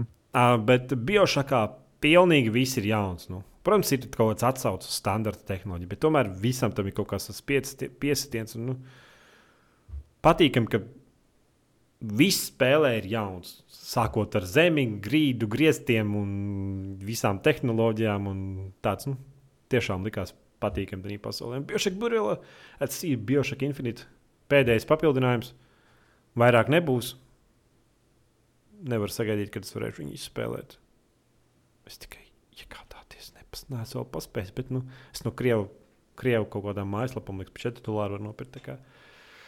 Nākošajā podkāstā noteikti stāstīšu un lielīšu. Nu, tad nākamajā podkāstā būs vēl kāds monologs no tevis. Jā, jā. Labi, es, Ai, es, es šitajos nu. pēdējos podkāstos jūtos tik vienkārši pasīvs dēļ tās malkas skaldīšanas, un es, es reāli es nezinu, kas ir noticis pēdējo divu nedēļu laikā. Tas jau nav noticis, reku, divas ziņas. Divas nu, tas, ziņas. tas ir tāpēc, ka man liekas, man otrdien vakarā, es, ne, bet otrdien pēcpusdienā es sapratu, kad, vai arī trešdien tas bija, kad es viņus uzrakstīju, es sapratu, ka, nu, es beidzot varu kaut ko arī padomāt. Nevis, nevis nu, tiešām, ka ir tas fiziskais nogurums, ka tev. Tu nespēji pat tulkot informāciju, neko tādu nespēji izdarīt. Ai, tulkot ir garlaicīgi. Jā. Reku, pirmais jaunums mums ir, laikam, to, kas OC mājaslapā, to mēs neatkārtosim par to lielisko Nvidia karti, kur viņi var iepāst sev pakaļā par tādu naudu. Un, ka... Nu jā, tā video karte, man liekas, tā stulba, ja viņi ir uh, tik spēcīga kā divas tās Titan Black, bet cena viņai trīsreiz, trīsreiz lielāka. Nu, what the fuck? Kā, kaut kā 3,5 tūkstoši dolāri. Ja? Kas? 3,5 tūkstoši dolāri. Ja? 3000 dolāri. Mm -hmm. nu, nu, tas, man liekas, Titan Black bija 1000 apmēram. Nu, viņi iziet uz to mārketingu. Nu. Cilvēki pērk tās kartes. Tīri. Nu, kāpēc? Ne jau visi, bet vienkārši ir cilvēki, kas iziet uz to mārketingu un ir gatavi samaksāt par to. Par, par lielāku virtuālo krānu. Es nezinu, ko viņa darītu ar to video karti. Man pilnīgi, pilnīgi, pilnīgi nulsvars. Es nezinu, Nē, ko es varu var... savu video karti darīt, jo man nu, labi četri kāji vai ne, kaut kādi monitori tur kaut ko tur spēlē tādā izšķirtspējā, bet uh, vienalga. Nu, es vispār es nezinu, sauciet man par vecmodīgu vai kā, bet es neredzu vajadzību pēc trīs monitoriem. Nu, uh, nav jau tās daudz spēles, bet nu, ir spēles, kuras ir izskaitās fucking iespaidīgas trim, trim monitoriem. Nav ne visas, bet. Uh... Nu, man liekas, ka, nu, ok, ja tev ir tāds speciāli rītīgi forši iekārtots datorstūrs, tad jā, bet ja tev ir vienkārši uz, uz parastu datorgaldu, tā kā man, nu, nu istabas stūrī datorgalds tāds, un, un, un uz viņa trīs monitorus es uzliku, man liekas, nu, uh, tā, tā vieta nav tik ļoti izolēta. Kaut kā tā, jo, ja ir trīs monitori, tev vajag tādu foršu telpu, kur pilnīgi nekas cits nav, kur tu vari no, nodoties saviem gaming priekiem. Man tā. jau tā ir. Nu, jā, tad jau forši. Jo man, man tikai vajadzētu nav, bet... 5-1 stundas saslēgt, bet man, man slīgums austiņām spēlēja. ne, ir spēles, kuras ir forši trim monitoriem. Piemēram, Skyrims ir viennozīmīgi 40 reizes skaistāks spēlēt ar trim monitoriem, tāpēc, ka tieši tie skati, ka tu uzkāp kalnos un kaut kādas braukšanas spēles, es nevaru, nezinu. Es tieši iedomājos, ka braukšanas spēles varētu būt foršas. Jā, jā, tur kaut kāda projekta kārs vai tā paša. Labi, formulas, ka tas ka tāds kaut kāda formula 2013. spēlēta, bet tā spēle ir mēsls, jo vadība ir tā kā uz koka kastēm, vismaz pēc mana uztvera. Pēc manas uztveres. Labi, bet nu, atpakaļ pie Drive Club, direkt, Drive Club direktors Kols Rodžers pamet savu amatu būtībā internetā atkal izcēlās brēka, viss sāk raudāt, ētā spēlē sūds, direktors aizmūg, to esi losis, sāk uz viņu lamāties. Beigās izrādās, ka viņš uzrakstīja, ka viņam dēlam ir kaut kāda, laikam dēlam, nezinu, vai bērnam ir kaut kāda diezgan fatāla slimība, un būtībā viņš nevar vairs pavadīt piecas jā. no, dienas uh, studijā. Viņš grib vairāk laiku veltīt ģimenei, un tad visi uh, uh, aizver muti, un tur pusi vispār tur izbanoja ārā no kaut kādiem tiem fórumiem. Ai, nu cilvēki ir debīli. Nu, man, man cilvēki vienkārši nepatīk.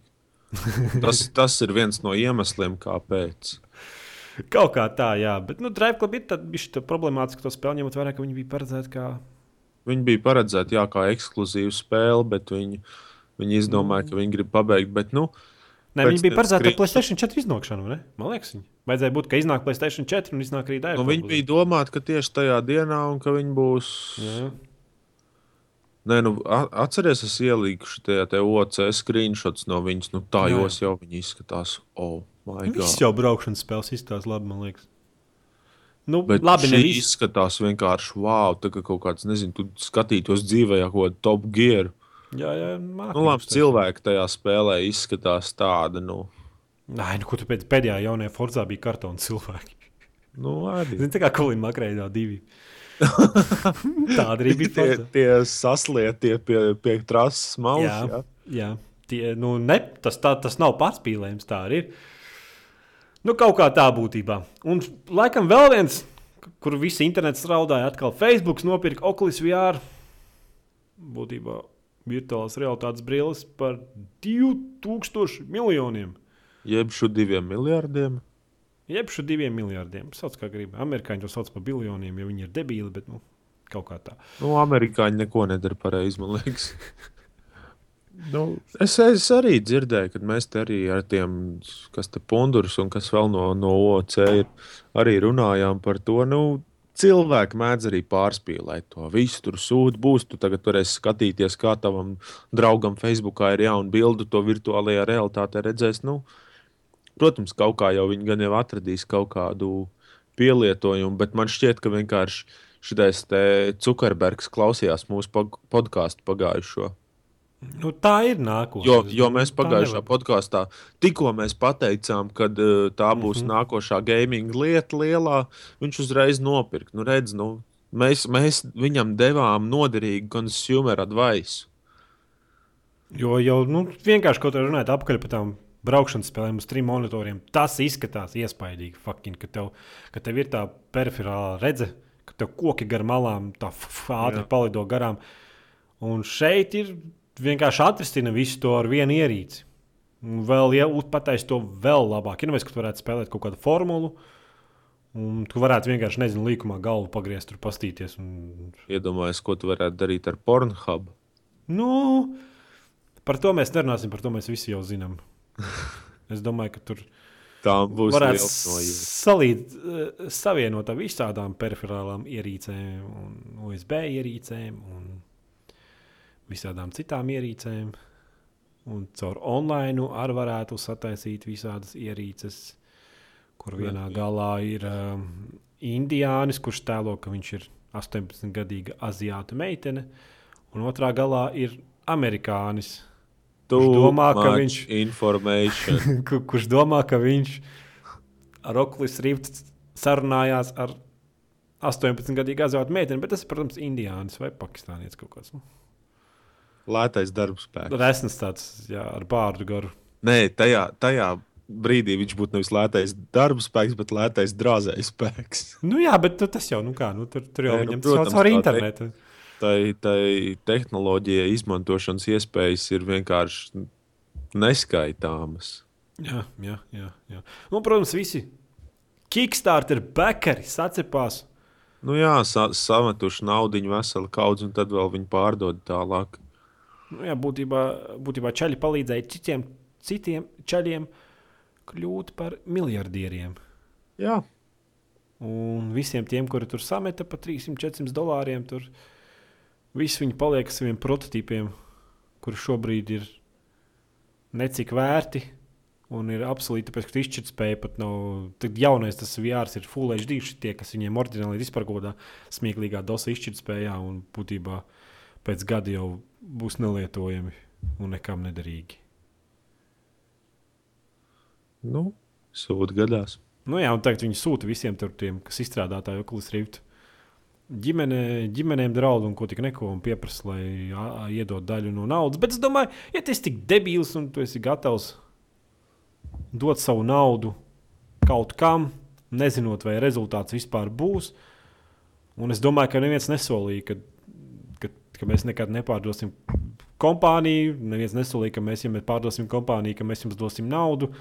Un tas man liekas, Nē, nu, protams, tas arī būtu stulbi gaidīt, ka, ka nu, ķipa rēķināties, ka simtprocentīgi tas ies, viss un tā tālāk. Tas būtu. Man jau sen likās, ka tiem visiem kickstarteriem vajadzēja dot.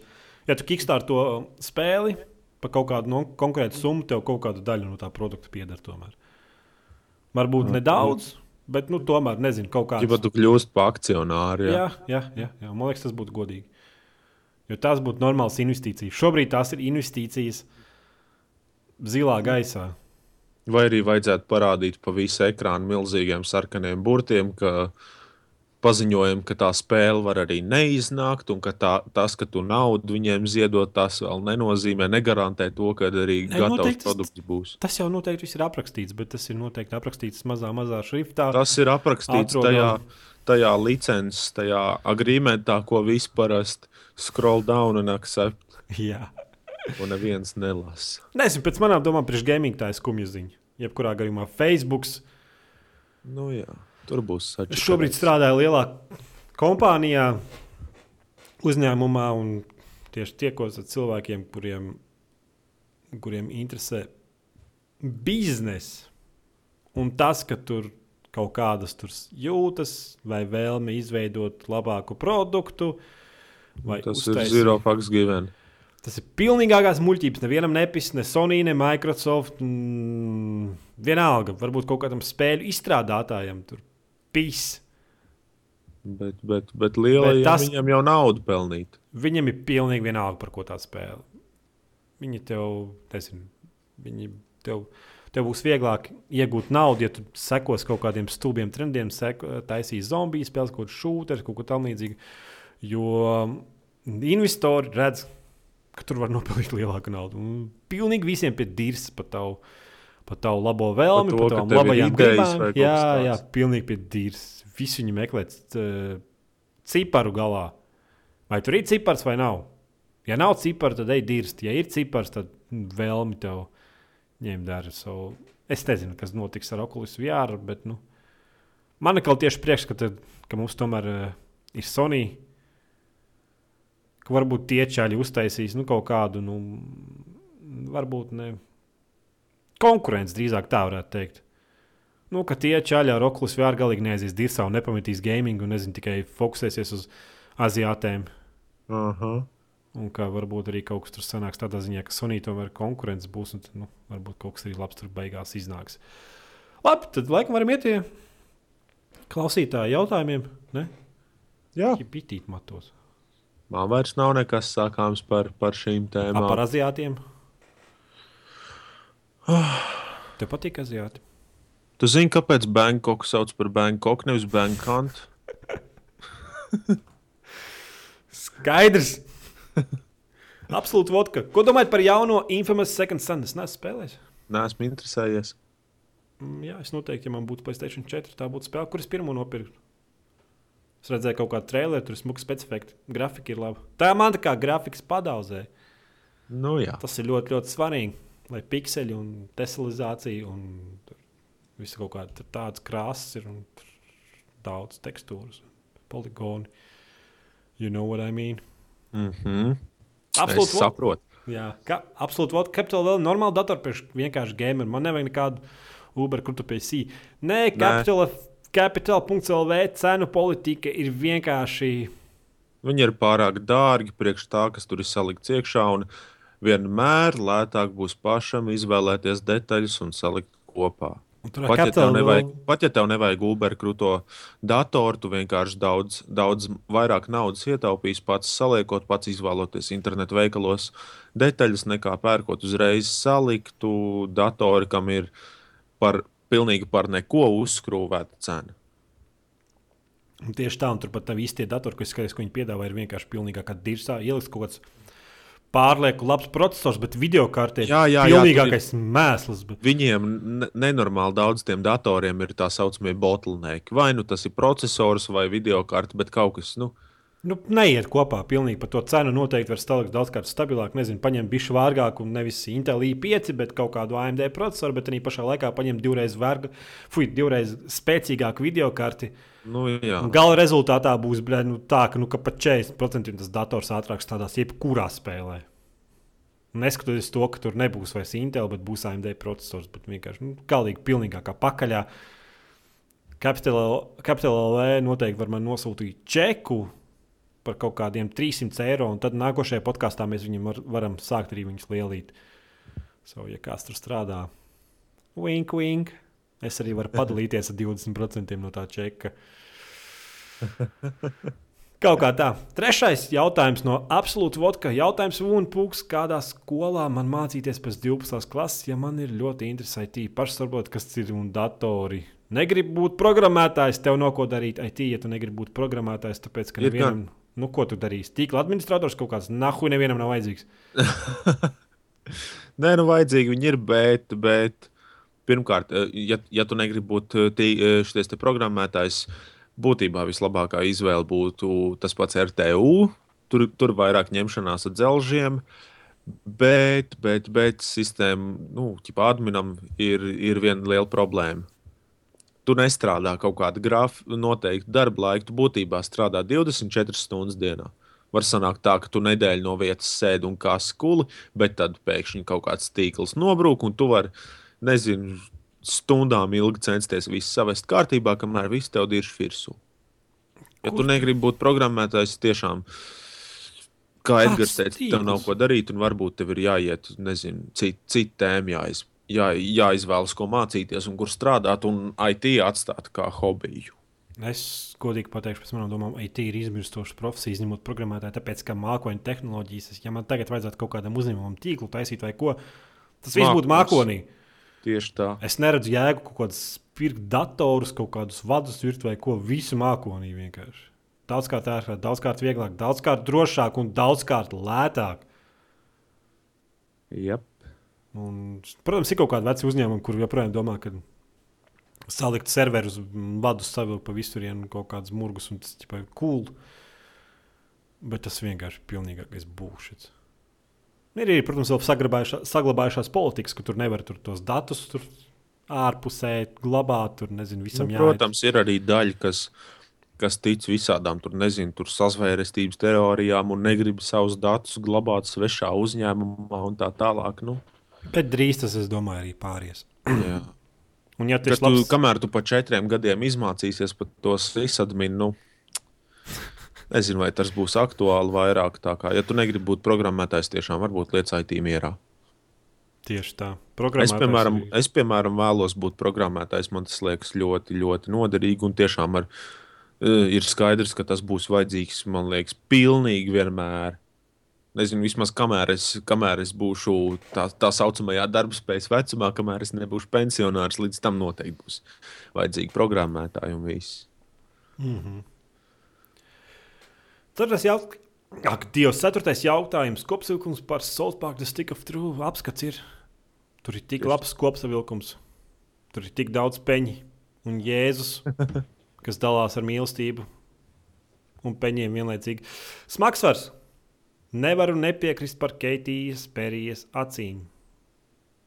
Jauki. Es te nesen redzēju kaut kādu gifu ar Keitijas Perijas acīm. Fucking. Tur vajadzētu. Kas tas bija? Kopters vai kā viņš saucās? Roflkopters. Jā, es labprāt. Neatteiktos. Pēdējais salnieks. Keitija Perija saka, ka viņa esot dabīgas acis. Ko tu domā Nu. par Keitiju Perī? Dab... Neizskatās dabīgs, bet nu, Domā? es Nu, nezinu, tu, tu domā par tām acīm, kurām ir nipeļi? kurus var Es, uzpumpēt. es, es domāju, ka tās, man liekas, ka tās ir dabīgas viņai. Domā? Nu, Labi. Es, dzīvot. es, es, es labāk neteikšu publiski savu pamatojumu, kāpēc es tā uzskatu, bet, nu jā. Nu, labi, nu, varam dzīvot fantāzijās un tā. Aha. Man arī tā doma arī labāk patīk. GG! JJs! GG! JJs! GG! Varbūt to cilvēku mājaslapā varētu pievienot kaut kādu sadaļu, kur redzams, kuri no cilvēku lietotājiem pašlaik strīmo. Būtu forši kāds banners ar pašlaik aktīviem streamiem un linkiem uz tiem. Zinu, ka vairāk te tādi ir, kas strīmo ar pulku priekšgalā. Man liekas, jūs te uztaisījāt paši tur. Ir viena sarakstu. problēma. Nu. Mēs ar, mēs ar to cilvēku, kas, kas uh, uztaisīja to risinājumu, viņš es neatceros, viņš ir manly pink, OC formās uh Mhm. -huh. sastopams vai, vai vīrišķīgi grozā. Karoč, viņš uztaisīja, un ir, ir viena problēma. Ka tu, uh, piemēram, viņam tur tajā sarakstā ir, man liekas, kādi astoņi streameri. Un kamēr tā lapa atverās, un kamēr tiek ielādēta viss status, paiet vairākas sekundes. Un, un tas vienkārši aizņem baigo laiku, lai visu laiku nočekotu, kas, kas strīmo, kas nestrīmo. Un tas ir baigi lēns process, es domāju. Otra lieta, nu, tā kā tas ir vajadzīgs?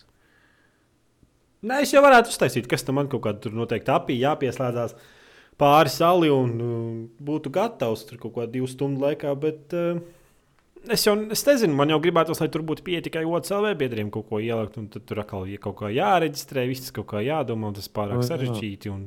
Nē, es ar tevi gribēju runāt par to, ka uh, kādreiz nākotnē, kad mums būs saprātīgs internets un ka es varēšu normālā kvalitātē strīmot, tad varētu uzlikt to iespēju, ka nu, augšā, kad, kad tu parasti strīmo rādās live un tur kādu spēli tu spēlē, tad varētu uztaisīt, ka, piemēram, nu, kaut kāda ir OC streameri, kas.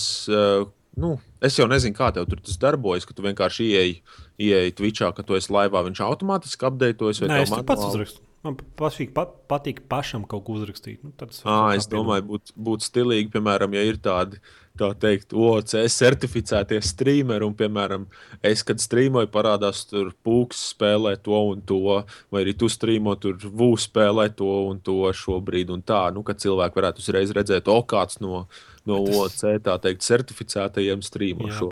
Bet tas ir counter, counter interaktīvi priekš manas mājaslapas, jo tad es būtībā uztaisu linkus, kurus cilvēki atnāk uz manu mājaslapu un aiziet prom no manas mājaslapas. Nu, jā. Kā es pelnīšu naudu ar reklāmām? Milzīgo piķi! Nē, tā ideja ir laba. Es pas, pastīšos, ka man būs Nē, laiks. es, es biju domājis, ka ne jau iet prom, bet, bet parādās tur augšā, ka strīmo, un tu atver live lapu, un, un streams jau rādās tas, kurš strīmo. Nu, piemēram, ja tu strīmo, Nē, tad tur jau ir gudri uztaisīts tā, ka tu kaut ko nepresi piespiest, tā uzreiz tev nafigais man dos mājaslapas un aiziet uz Twitch mājaslapu. Viss tas pasākums. Ah, that's gay. Tas tur, tur, tur nevien, viens nepareizs klikšķis, un tu esi Twitch mājaslapā kaut kā tam līdzīga. nē, nē, ideja laba, bet es domāju, ka sākumā vajadzētu uztaisīt uh, ideju par to, ka cilvēki varētu rakstīt savu blogu.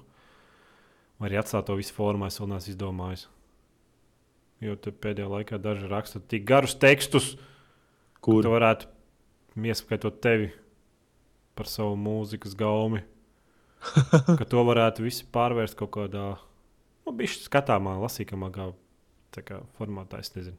Vai arī formā viss var palikt. es domāju, ka formā var palikt.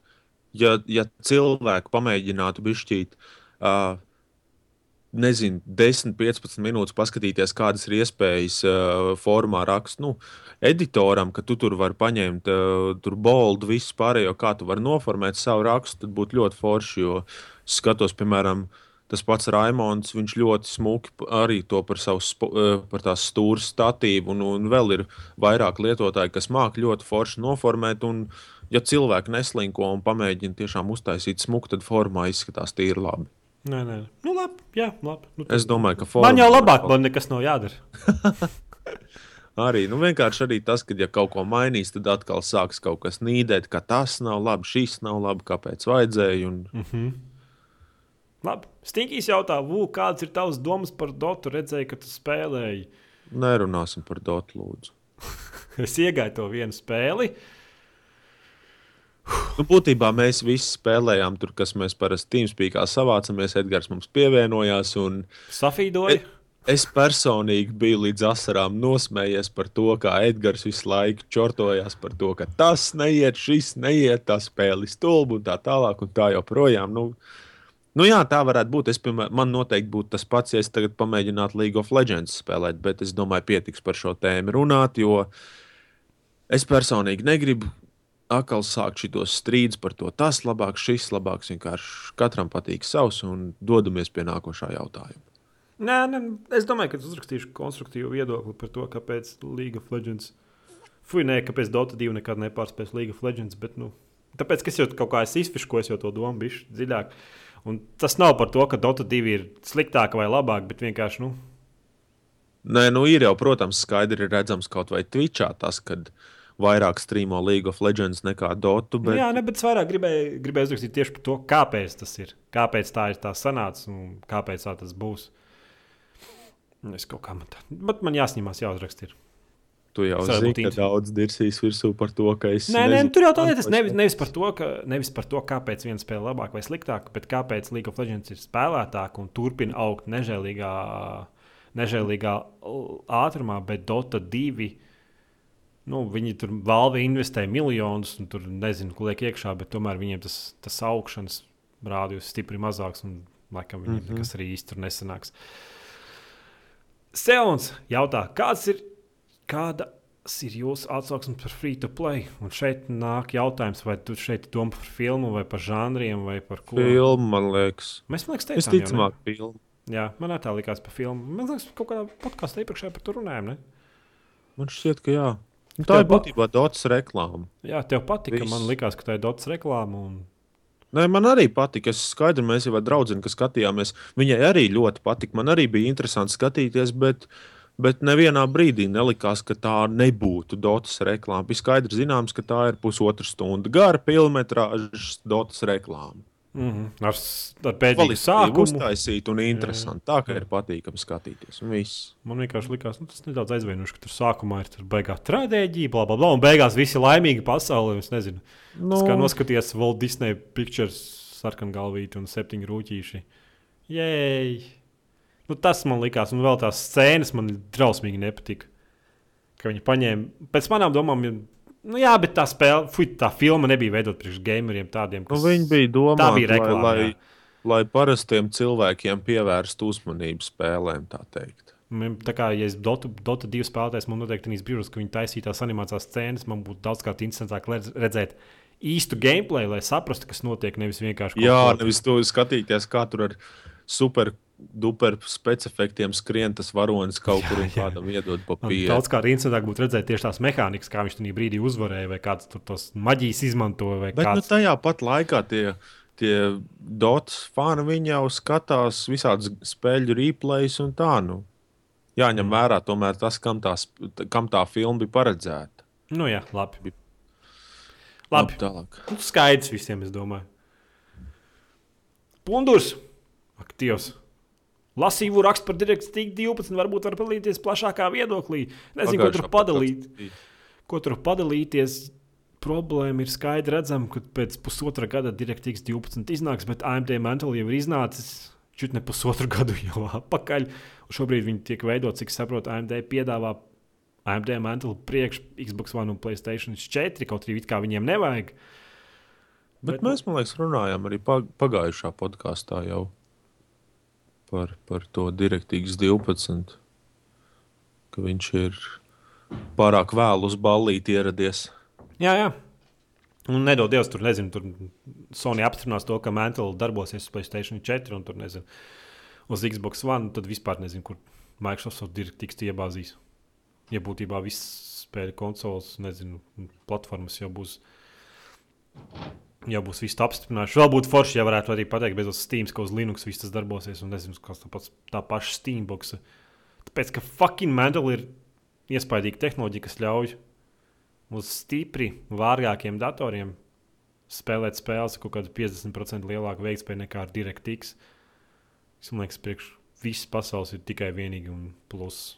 Tas ir pluss. Jā, nav, nav visu laiku jācenšas tur pirkt pēc iespējas krūtāku tā. Mm -hmm. Labi, Pundurs turpina. Tā kā ir iznācis Diablos Reapers Souls papildinājums, skaidrs, vai expansion spēks, man liekas, tā vairāk. Ir kāda viegli, kāpēc pastāv ģenerāls uzskats, ka Diablo 3 nav tik labi padevies kā viņa priekšnesis. Priekšnesis, tas ir, tas ir labs vārds. Priekšnesis. Man liekas, ka Priekštecis. priekštecis, jā, bet Whatever. Diablo 3 Reapers Souls nāca spēlējis, man liekas, Transmans. Nu, Jeb Jānis, kas bija tas, viņus diezgan spēlēja, un man liekas, otrs Jānis, negatīvais Jānis ar viņu spēlēja. Es nevaru paspēlēt Diablo 3, tāpēc, ka tā ir fucking MMO spēle.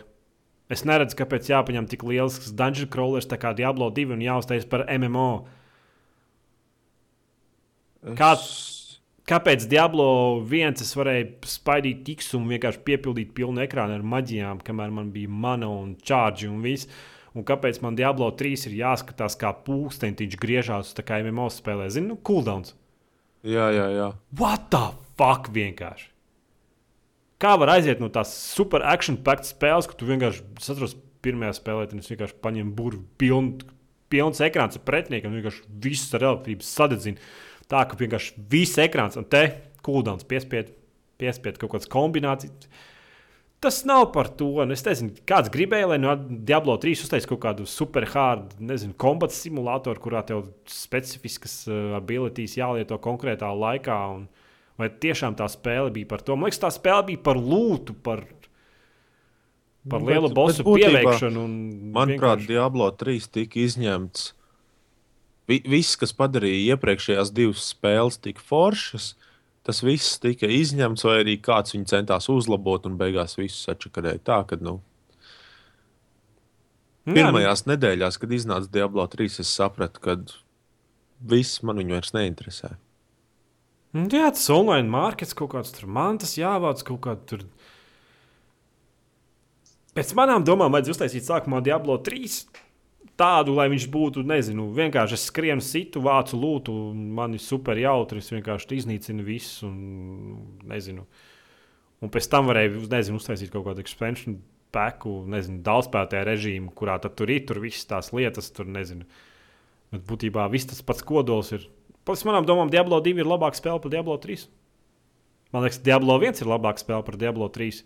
Jā, Un es nezinu, ja es gribētu tāpēc, ka spēlēt, Diablo 1 varēja divu tādu uz Playstation spēlēt. paņemt kontroli un spēlēt. Ja? Tā bija nenormāla. Divu tā bija nenormāli jautra spēle. Jo, Un, un vēl tas, ka tiešām tas, tas komandas darbs tur bija ļoti, ļoti noteicošs. Kad nu, tiešām vajag, piemēram, tur viens spēlē ar varioru, otrs ar to rangeru, un kad, kad ir vienam jātankojas, un otram tur. Jā, un. Nu, Karačā Diablo 3 būtībā sačakarēja visu, kas, kas iepriekšējās spēlēs bija labs. Un, Un tas, ka tas Diablo 2 un 1 vienmēr bijušas tās super precīzās kontrols, nu, kontrol, un te Diablo 3 sāk spēlēt, fucking es jūtu to fucking stulbo online lagu. Nu, ka tā spēle vairs nav tādā ātrumā, vairs nav tas jā, tā atdeve. Un es nezinu, man, man pilnīgi neinteresē Diablo 3. Nu, nu, Diablo 1 un 2 viņi jau būtībā tā kā noteica tādu vispār industrijas tādu standartu, mm. bez maz vai. Un, un Diablo 3 visi, visi sapirkās tikai tāpēc, ka, tas nosaukums un tā, bet nezinu, kāpēc vēl joprojām cilvēki par to spēli baigi fano. Nu, varbūt tad ir. Cik Varbūt saprotu, lielākā daļa tiem, no tiem, kas fano par Diablo 3, vienkārši nav, nav spēlējuši vai spējuši izbaudīt iepriekšējās Diablo daļas. Un tāpēc viņiem viņa liekas tik laba. Jā, varbūt arī, ja, tu- neesi izgājis ne pirmo, ne otro, bet vienmēr kaut kādus pirmos divus līmeņus tur paspēlējies, nezinu. Nu, jā, tad, tad nespēja novērtēt to, ko tu esi zaudējis. Jā, jo, ja es tāds gameris, kurš spēlēs stundām gan Diablo 1, Playstation, gan Diablo 2 uz PC, labprāt spēlē Incredible Adventures of Van Helsing vai to pašu Torchlight nekā Diablo 3, tad tomēr tas kaut ko, nu, nu tā, ka man pilnīgi neinteresē. Nu, just fucking, ah, labi. Ieej! Pirmo gadu nav novērtētā, nav novērtēta kā sliktākā kompānija. Time Warner Cables viņus pārsita. Varbūt ir kādas idejas, kāpēc tā, ņemot vērā, ka Dungeon Keeper, ņemot vērā Dungeon Keeper fiasko. Es nezinu, vai Dungeon. Dungeon Keeper fiasko bija kāds, tāpēc, ka man liekas, visi cilvēki pieraduši tos, ka viņus pīs ar šīm online spēlēm un mobilēm spēlēm izkrāpt naudu. Man liekas, tas man liekas, ka Facebookā nu, tas biznesa noteikti joprojām pastāv tur kaut kādām spēlēm, bet nu, man liekas, vairāk tas neiet, neiet vairs cauri vienkārši. Protams, joprojām ir kaut kādas aitas, cērpjums, bet nu, tas viss tik tālu ir no. Nu, Gameri nespēlēs Dungeon Keeper uz planšetes. Nu, tu nespēlētu. Nu. Bet, bet ļoti daudz taču mūsdienās tāpat ir tie, tie kas nav gameri, bet tie, kas vienkārši savā planšetēs vai kur nokačā kaut kādas mini spēlītas, un tad brīvajā laikā viņas tur padzenā. Un... Jā, bet tie jau vairs ne gameri, saprotu. Tie ir ārpus mūsu. Bet tie... viņiem ir nauda. Nu, jā, bet lai viņi maksā, bet es, es saku, uz mums tas vairs neatiecās. Nu. Tas jau man liekas, aizgājis nu, nezinu, nu, tāds standarta Call of Duty spēlētājs nu, nepirks Dungeon Keeper un nemaksās tur nekādas kāpējas. Tie tiešām ir aitas, kuras, kuras var cirpst, cirpst, cirst, cirpst, cirpt jebkādā veidā. Ja ne ar tādām spēlēm, tad var savādāk. Kāda starpība? Mm. Mm. Kādas domas par to, ka Facebook iegādājas Oculus Rift? Mēs par to. Mēs par to runājām jau Jā. sākumā. Pēc manām domām, tas ir dirzā. Un... Jo lielāka kompānija, jo lielāka iespēja, ka projekts attīstīsies lēnāk. Viņš attīstīsies nepareizā virzienā. Tieši tā, es gribēju tieši piebilst, ka nepareizais virziens, jo nu, Facebook, Facebook ir slavens ar to, ka viņi māks sačakarēt lietas. Viņiem tas padodas. Nu, jā, nu, bet tu saproti, tur galā ir cipari. Tur nav, tur nav vēlme uztaisīt labāku pasauli, tur nav vēlme kaut kā pateikt. Galā ir cipari. Tas arī viss. Un tur neko nevar izdarīt. Bandīts! Kas tev klāv ir pret CC klīneri? Pats pēdējos sešus gadus lietoju, nav pilnīgi nekādas sūdzības. Privacy tools plus sistēmas tīrītājs nav nekāda vaina. Es iesaku uzvilkt foliju cepurīti un datoram arī uztaisīt foliju cepurīti. Jā, un neiet no mājas ārā, kad lidmašīnas lido un apsmidzina visu. Nu, es, es nezinu, man, man, man pret CC klīneri ir Man liekas, es komentāros, vai kas tur jau baigi komentāros runāja par to programmu, kad nu, man ir bijis, bijis dzīves piemērs, kad uh, viens vietējais ķipa datoru profesionālis uzinstalē viņu, saliek, lai viņš skenē datoru vienkārši jebkurā brīdī, kad, kad nav slinkums. Un, nu, nu, nevajag viņu normālam, saprātīgam datoru lietotājam tas sūds nav vajadzīgs. Ai, tas ir atceros tos Windows laikus, kad tur kaut kāds tur performance increase, tur nezinu, jā, jā, jā, jā. Formatē, nē, bet Fucking uh, ejiet visi. Cieto.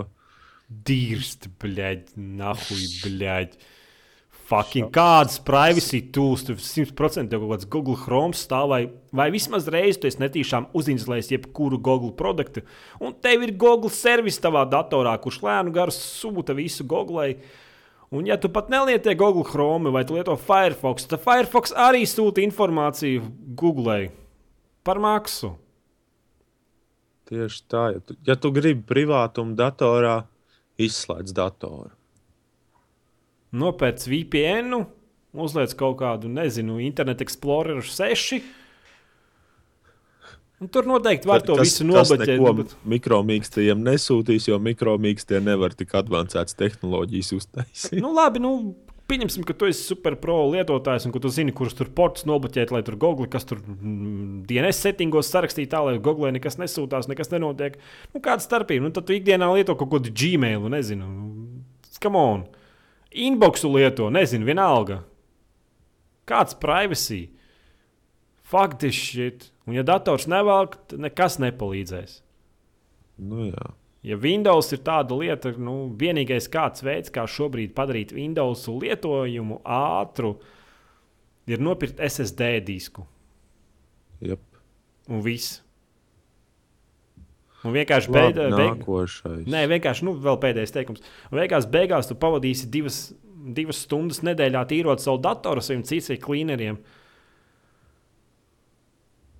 Vai vienkārši nebūtu lētāk nopirkt SSD disku un aizmirst par divām stundām nedēļā kaut ko tīrīt, kaut ko datoru? Es nezinu.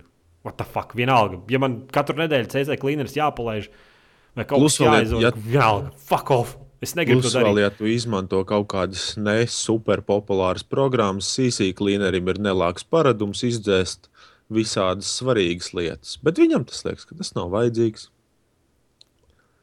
Es Tāpat lietoju- arī man kuldīgā Jā. darbojās, ka man jāsenčiem tas dators pēc atnāca, sainstalē visus tos sūdzes. Nu, kamēr es liepājā mācos, es pasaku, ka es nedēļas beigās būšu mājās un visu nu, iztīrīšu. Viņiem tur kaut ko pārinstalēt vajadzēja vai ko. Es aizbraucu mājās, viņi tam idiotam ir samaksājuši naudu, viņš ir sačakarējis visu kompi, komps ir vēl lēnāks palicis, blā, blā, blā, bet, nu, jā, labi, pietiks. Ah, Jā. nē, nākošais jautājums arī ir par ko reidžot. Transmets no šiem pētījumiem un pieredze saka, ka pirmās 30 minūtes tikai esi droši pieslēdzoties internetam, es vajag izslēgt operacionālo sistēmu. Bez drošības šādā situācijā. Tu esi stulbs. What the fuck? Tiešām Nu, nē, no nu, offense. Nu, tas nav nekas. nu, nu. Labi, tas ir personīgi, bet nu, tas ir stulbs uzskats. Nu, No šiem on, pētījumiem un pieredzes, nu, ja, ja tev ir kaut kāds nezinu, uzņēmuma tīklā, ja tur citi datori ir vīrusaini, ok, tad jā, bet, bet vienkārši pieslēdzoties internetam, un ja tu nekur nelien, nu, tas, ka viņš man liekas, komentāros kaut kur rakstīja, ka tur pēkšņi kaut kādi botneti uzbrūk virsū tev kompim, un nu, kas tas par bullshit? Nu, Pat ja arī uzbrūk, ko tu darīsi? Varbūt, varbūt ir vieglāk dzīvot, vienkārši nopirkt SSD disku un aizmirst par to visu. Fucking, lai viņi uzbrūk. SSD disks ir at atrisinājums jebkurai problēmai. Nu, man, man tā, man tā, man bija problēmas. Es nopirku SSD disku, man vairāk nav problēmas. Es saku no savas pieredzes. Man nevajag nekādas CC cleaneris, nevajag nek... nu, vienkārši fuck off. Es nezinu. Just fucking lietojiet datoru, kā jums patīk ērtāk. Iet paskatieties, Nē, nu, mūsdienās visu laiku nu, tiešām, cilvēki jau nespēja lietot kaut kādu, nezinu, veselo saprātu vai loģisko domāšanu, izlasa kaut kur internetā kaut kādu sviestu, tur nezinu. Nomet 6 kg 6 nedēļās, o, tas ir tik krūti, tā ir taisnība. Tur kaut kādas sviestas sarakstīt. Un tā ir pilnīgi par visu. Kaut kur to izlasa, un tad uzreiz to pieņem kā vienīgo patiesību. Nu, jā, nu, es nezinu. Nu, nu, jā, jā, arī tā ir. Es, es, es nesaku, ka tā nav. Es nezinu, kas tie par datiem ir. Es, pat ja tā ir, saprotu. Pat ja tā ir, man ir pie tīrsas. Lai tā fucking ir. Es varu palaist Steam, es varu ieslēgt spēles, varu iet OCLV mājaslapā. Es varu, nezinu, iet Keitijas perīs, acis pastīties internetā. Es fucking esmu apmierināts. Viņa sēdēt, te graust pirkstus un kaut kādas citas klīneres te instalēt un kaut ko tur laist un skatīties. Just fucking izrauj internetu vadu un esi drošs. Protams. Es nesaprotu. Es šo fucking vienkārši nesaprotu. Just fucking, ja jums spēles iet, tad iet. Protams, ja tu esi pirātiskā satura lietotājs, Nu, protams, tad ir daudz lielāks risks, bet vis, vispār. tad, to- protams, tad es, tad es nebrīnos, ka tev jālieto cīņķis, klīneris, ja tu tur sēdi kaut kādas torrentu skačā, kaut kādas filmas, spēles, kaut kādas krekus lietas, ka tev antivīrus katru reizi, atceros, kā, kā, kā lietas kreku tā antivīrus, un tu tur atslēdz antivīrus un kaut ko tur ņemies. un Tad, protams, ka tev vajag tur visādas sisī klīneris un visādas huņas, privacy tools, nezinu, ko tur instalēt. Bet vēl kas ir? Edgar, vēl jau ir jāpadomā par to, kā tagad vīrus darbojas. Pirmkārt, tāds vīrus, kas ir kā, nu, nu kā vīrus, kas, kas kaut ko datoram dara. Pirmkārt, parastam mirstīgam cilvēkam, parasti mirstīgi cilvēki datos tāpat tie cilvēki nav ieinteresēti. Tāpēc, ka viņus var Facebookā atrast. Tieši tā. Fuck, nahu viņam plus vēl tas- Plus vēl tas, ka mūsdienās daudz vieglāk ir, uz, eh, būtībā vieglāk ir hakot cilvēkus nekā dators. Tā. tev kaut kādu e-pastā, kaut kādu, tur nezinu, no valsts ieņēmuma dienas, kaut kādu sūdu. Tas ir daudz vieglāk nekā censties tur nemanot ielausties kompī. Viss. Un pie tam mēs esam latvieši, latviešu valodā. Mums, mums bija pusi tā huīņa, kas ir angliski. Viss nāk, mums vispār mums neatiestās. Plus vēl arī tiem, kas taisa vīrusus, viņi taisa kaut kādiem citiem reģioniem un pārsvarā angliski runājošām valstīm un tā tālāk un tā joprojām. Un tie, arī tie dati, ko viņi no mums iegūst, viņi citiem, viņiem neder. Nu, viņiem nedara, ne? viņiem vajag angļu valodu. Jo mē, plus vēl mēs esam maza valsts, viņi kaut kādu, nezinu, tur arī bankas datus iedu, iegūs, iegūs. Mums tās bankas tāpat ir uh, Naudas nevienam kontā nav. arī tās. Bet nu, vienkārši mums ir, mēs esam maza valsts, te viss ir visai specifisks un at, atšķirīgs tomēr no lielajām valstīm, un, un, un nu, viņiem mūsu dati nav tik noderīgi. Tāpēc baigi tur nezinu. Cepties par to, ka ot, tu ieslēdz pusstundu datoru, viss tev ir pilns, tur viss botnet tīkli, tavu datoru jau zina un izmanto. Nu, tev Nu. tāpat tas neko nemaina. Tāpat tu visi esi jau Facebookā uzrakstījis. Tieši tā. Kur tu dzīvo, kur tu šobrīd atrodies. un Twitterī jau ietvītojas savu atrašanās vietu tiešo. Es nezinu. Telefons ir vienkārši staigājoša, staigājoša ierīce, kas par tevi informē visus attiecīgos dienas, ja viņi to grib. Un tagad tu instalē jā. cīcī klīneri uz sava datora. Tas Domādams, ka tāpat neko nemaina. Ja tu esi kaut kāds, nezinu, paranoiķis, nu, sēdi skapī un nelien laukā. Jā, kaut ko es vēl gribēju teikt. Es tagad aizmirsu. Kračs beidziet. Ja tu, ja tu kačā bez, nezinu, torrentus, tad, tad tiešām var lietot savus cīcīklīnerus. Man ir vīra antivīrus. Es arī Es viņu tādu torrentos, es spē, spēles gan es ļoti maz no torrentiem, bet visādus mūzikas, filmas, kaut ko tādu. Un, un, un, un nezinu. Es nezinu, es, Parasts antivīrus un viss. Ja, tev, ja tu tiešām neesi salīdzis pilnīgi visām programmām, tur administra administratoru piekļūst, tur noņēmis viss, izslēdzis Windows, jeb kādas tur eh, user access kontrolas un pārējās aizsardzības, nu, pats vainīgs. Izvelc rokas no dirzas un sāc lietot palēkās šūnas. man viņš nav lamājies, nezinu, gadu, man liekas. Man, man tikai ik pa laikam izmetās Lūks Filewalkers. Nu, jā, viņš tur izskanēja, pasakā, viss kārtībā. Viss, nu, Yes. Kurš, kurš fucking beidziet? CC cleaneris. No, nokačā vēl kaut kādu Windows speed up, plus, plus.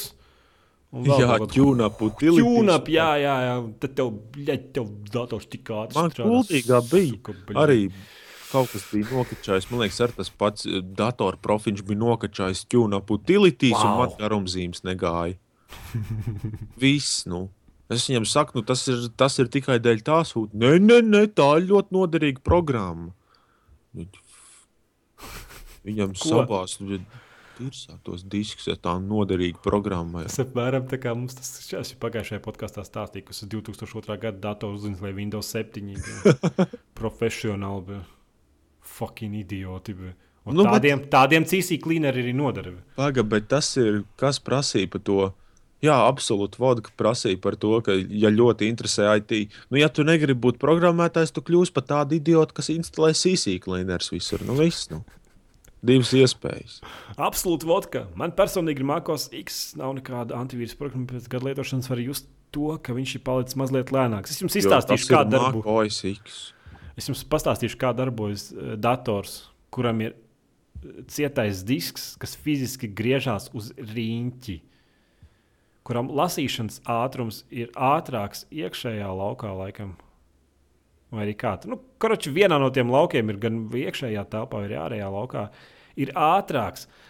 Otra ir tāda, jo vairāk faili uz tā fucking cietā diska ir, jo vairāk program, programmas jūs lietojat, jo vairāk tam atstiņai, kas lasa no cietā diska, Viņai ir virsmas, jālēkā no vidas uz malu, un, un tas, tas ir fiziski vienkārši. Tā ir fizika. Tur nav nekādas saistības ar to, ka, protams, ka pēc gada dators paliks lēnāks. Tāpēc, ka tur ir daudz failu, tev noteikti pa gadu laiku ir vairākas programmas sainslētas, kas ik pa laikam tur kaut ko palasa no cietā diska, kaut ko uzraksta. Tur nezinu, kaut kas par Skype, kaut ko nezinu. Viss tas sainslēts vienkārši čupa ir kaut kāda lieka servisi, par ko Windows operētāja sistēma vispār nerūpējas un ļauj jebkurai programmai iepirkt servisu iekšā, kaut vai to pašu netīšām uzdinslē, jebkuru Google programmu. Tas nozīmē, ka tev jau būs kaut kāds Google updaters, kurš katrs 20 minūtes tur ieslēdzās kaut ko update, to pārbauda, nu, nosūta datus Google un tā tālāk. Un tas tur fucking tā ir fizika. Ja gribat tikt galā ar Windows lēnumu, SSD disku nopērts un visu aizmirsti. Jo tad visas tās programmas var instalēt un tur lietot. Un pie dīrs. Man liekas, man mūzikas skan fonā. Nezinu. Kaut ko es Labi. dzirdu, es, es tik skaļi neesmu tev uzgriezis, bet kaut kas liekas, ka varbūt no manis neskan nekāda mūzika. Man te ir klusums. Pagaidām. Skaidrs, labi. Ūdenzirnis laikam vēl pēc tā visa reģa. Šajā portālā šeit nav daudz, kur katru dienu spiest uz bezmaksas viagra reklāmām vai lieto aizdomīgas porno saites un lādētu torrentus CS 1.600 līdz Jigs soft crack trust me Šitādus will work. melus es nebiju sen redzējis. Runā pat par sevi. Te es domāju, ka OC. Protams, kāds apvainosies un sāks kaut ko reģot, bet ir daudz tādu, kas ir formā parādījuši, kad noteikti viņi ir no tiem cilvēkiem, kas, kas lādē torrentā kaut kādas superleģitas sūdzes un tā tālāk un tā joprojām. Pēc tiem jautājumiem, kas, kas uzpeld e, formā pēc tās visur redzamās nespējas izmantot Google, nu, Es domāju, ka te puse lieto porno saitus un kā S100 līdz Jigs soft crack trust me will work. Vismaz es pats lietoju bezmaksas viagru reklāmas diezgan aktīvā veidā. labi. Paniķi! To, to ir patīkami zināt. Piemēram, būtu vēl tekoši visā trojanlācā ārā. Ejam tālāk. Zodrots. Edgars seko līdz LOL kompetitīvai scēnai. Ja tā kāda ir mīļākā komanda, vai domājat, ka pro spēlētājs var uzskatīt par sportistiem? Es domāju, ja viņi savu dzīvi, dzīves daļu kaut kādu konkrētu, kaut kādus piecus gadus sapis un zaudē, un beigās, kad viņi pamet to pro scēnu, par viņiem visi aizmirst, kā arī jebkuriem citiem sportistiem, lielākoties. Tad es domāju, ka viņi ir sportisti. Nu. Nu, viņi ir sportisti. Viņ, viņiem tomēr ir tāpat kā īstiem sportistiem, ir jāvelta laiks treniņiem, savai veselībai. Tomēr arī, jo, ja tu būsi resns, notaukojies, tev nebūs tomēr tā rea reakcija un tā tālāk un tā joprojām. Jā, viņus var uzskatīt par sportistiem, lai gan, lai gan daudz pa, parastie cilvēki uzskatīt, ka nē, jo viņi nav muskuļoti un spēcīgi, un viņi neskrien un nelec. Un... Ūdenzirnis, Lolā, cik zinu, nav tāds lielais čempionāts. Vispār to sauc par LCS. Un fucking tas notiek šobrīd. Un viņš man liekas, vēl lielāks nekā Dotā. Man liekas, varētu būt nevis Nu, lielais. Dotā, man liekas, ir vairāk tādu, tur ir kaudz ar mazākiem, nevis viens tāds superliels. Nu, jā, ir tas international, bet, nu, jā. Man liekas, cik zinu, pēc ūdenzina ka Lolā, cik zinu, nav tāds liels čempionāts. Pēc manām domām, LCS ir lielākais video spēļu čempionāts. Es es stipri apšaubu, ka kaut kas lielāks ir, kur tur četri kontinenti, četros kontinentos notiek fig viņi zina, cik tur spēles. Un pēc tam Jā. visas tās komandas brauc uz lielo un visas visu laiku vietu uz rīņķi. Tā kā nezinu, kaut kāds, kaut kāds hokeja, hokeja grupas vai kaut kas tamlīdzīgs to pusi. Kas, kas mums Latvijā ir? Tas Rīgas dīnāmo, kur viņi tur piedalās. Es tas skaidrs Nezinu, es neinteresējos par hokeju. Pareizi tu dari. Ūdenzirns jautājums podkāstam, vai pirksiet kā simulātoru? Nē, Man ir apskata kopija. Es domāju, ka, pir... es, es domāju, ka būs apskats. Arī kaut kad tuvākajā laikā. Lieliski. Transmans. Ja ieskanās šis gabals, vienmēr atcerēšos Need for Speed Underground, The Crystal Method Burn to Slow. Born to slow. Jā. Vispār. Es, Crystal man tā dziesma sāk skanēt galvā, bet Mm. ah, nu, pirmajā undergroundā es neatceros, kas bija par mūziku, otrajā viņš nebija. Nē, Undergroundā vispār bija laba mūzika, man liekas. Vismaz tos sākotnējos gabalos, ne? Spēlēs. Tas, tagad jau viss, viss tā mūzika spēlēs ir bišķi samazinājusies. Man liekas, vairs nav tas, eh, tas, tas, tas tips, kā, nezinu, Tonija Halaka proskaiteri bija, ka nu, būtībā viss tas sastāv no skaņdarbiem. Tagad jau mūsdienās vairāk tā kā, eh, ne, tā kā izpildīt, izpildītājs skaņdarbiem. Tagad mūsdienās jau tā vienkārši tā ir tāda atmosfēriska mūzika lielākoties visur. Mm -hmm. Jo man liekas, tās licences ir pārāk grūti dabūt, pēc tam ar viņiem kaut kā jācīnās. un Tur, tur... Man liekas, tikai tādas spēles, kas to šobrīd dara, kaut kāds dance, dance, dance revolutions, nē, bet uh, just dance, tās spēles joprojām vēl vienkārši visas spēles garumā laiž licencētas mūzikas gabalus. Prikals jautā- Kickbeat arī tas, ko es man liekas Nu, bet tur jau, tur jau nebija kaut kādi. Tur jau nebija. Pag, tur domā, bija, ka tās bija īstas vai tā īstas grupas. Vai arī tie bija vienkārši paņemti kaut kādi tur indīgi mākslinieki un uzrakstījuši par kaut īstas grupas. Inflames, piemēram, ir ļoti īsta Jā. grupa. Pendulum ir ļoti īsts izpildītājs. Jā. Nu, bet, tās ir- bija tā, bet tās bija tādas jaunas dziesmas, vai tomēr kaut kādas vecas. Nu. Tur bija gan vecs, gan. Nu, Bija. labi. Tur Es vienkārši tā- populārs. Es vienkārši tā reti redzu, ka nu, tādās spēlēs, nezinu, GTA 4. Es atceros, ka tur bija tādas pilnas dziesmas. Jā, vispār GTA jau vienmēr bija. Es zinu, ka Vice City tur vispār radiostacijas bija būtībā atspoguļoja visu to, to laiku posmu, kas tajā spēlē ir attēlots. Mhm. Viss tur kaut kāda Bonija, Tailera un kaut kas tam līdzīgs. Skan. Es, bet vairāk tā nelec acīs. Nu, tā mūzika tieši. Es saprotu, ka Tonija Havaka Pro Skater 30% kāpēc tā spēle tik ļoti patika, tā bija mūzika. Nu, kad tu sāc to spēli. Un, Jā, jā. un tagad kaut kā, nu, man liekas, vairāk tā īsti nav. Tā kā, nu. Gan Pēdējais lieliskais uh, mūzikas skaņdarbs bija um, Saints Row 3, man liekas, ka jā.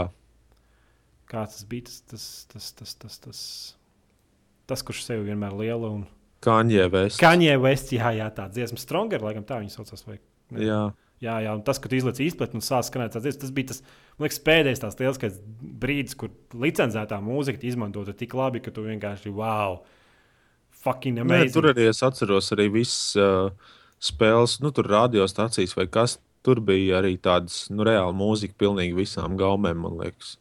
Nu, Nu, jā, labi, jā, šlāgeri bet, nē, nebija, es, run, bet, nu. es runāju par to, kur, kur mūzika, tā licencētā, tāda licencēta mūzika ir tiešām liekas, iespaidīga. Tāda, nu, kur, Jā, kur, kuru nu, to video, viņi eh, tajos traileros un tam līdzīgi. Tur jau arī tā dziesma bija, bija ielikt un, un, un ļoti labi savienot ar to notiekošo uz ekrāna. Jā, un tas arī pēdējā misijā, kur tev jāglābj, laikam bija kaut kāds no saviem kolēģiem, un tur tā dziesma I need a hero.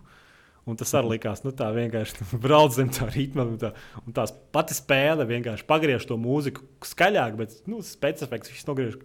Un, nu, Rēti spēles, liekas, kurš mūsdienās var teikt. Tad Saints Row 3 man liekas, ir pēdējā spēle, kur tiešām ir.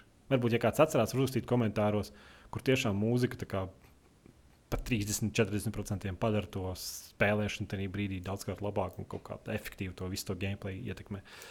Labi, Prikals jautā, no kādā interneta adresēm jūs parasti iegūstat informāciju par spēlēm, datoriem un tā tālāk? Oh, come on! Es nezinu, es nekādas IGN, tur GameSpots nelasu nopietni, pats pilnīgi no emocijas. Es kaut kā mums ir tas spēles preses saits, kur būtībā jebkurš, jebkurš, kuram ir video spēļu portāls, var pieregistrēties, viņi pārbaudīs, vai tu tiešām esi spēļu preses pārstāvis, laikam kaut kā tam līdzīga, un tad būtībā iegūsti tā kā preses relīžu izgāstuvi, jo tur puse tiešām Nu, tur ir izgāstu. Nav puses, tur ir 80% pilnīgs sviests. Nu, jā, jā, bet nu, es, Plus es, vēl tas, ka no turienes nevar dabūt normālas bildes ārā, jo visām ir virsū viņas sūdainais. citām nav. Nu, nu, tāds ir jāmaksā vienkārši, ja tu gribi. Ja tu gribi kaut ko iedzīvot, bet, nu, jā, bet tā, es, es nezinu, es nelasu nekādas IGN, nekādas GameSpots, nezinu, vienalga. Es... Parasti tāda informācija, tādi lielākie notikumi video spēļu pasaulē, ņemot vērā, ka es par to interesējos kaut kādā veidā, viņas tomēr paši pa sevi ienāk manā dzīvē caur citiem podkāstiem, kurus ārzemju klausos. Vai... Man uz e-pasta salīdzinoši daudz nāk no dažām noteiktām kompānijām, visādas, visādas informācijas. Jā, jā tu, nu, es nezinu. Nu, Es nezinu, kā var kaut kādu IGN lasīt. Jo, nu, šonadēļ, pēc, manas, pēc manām domām, nu, varbūt trīs, četras lielas ziņas maksimums.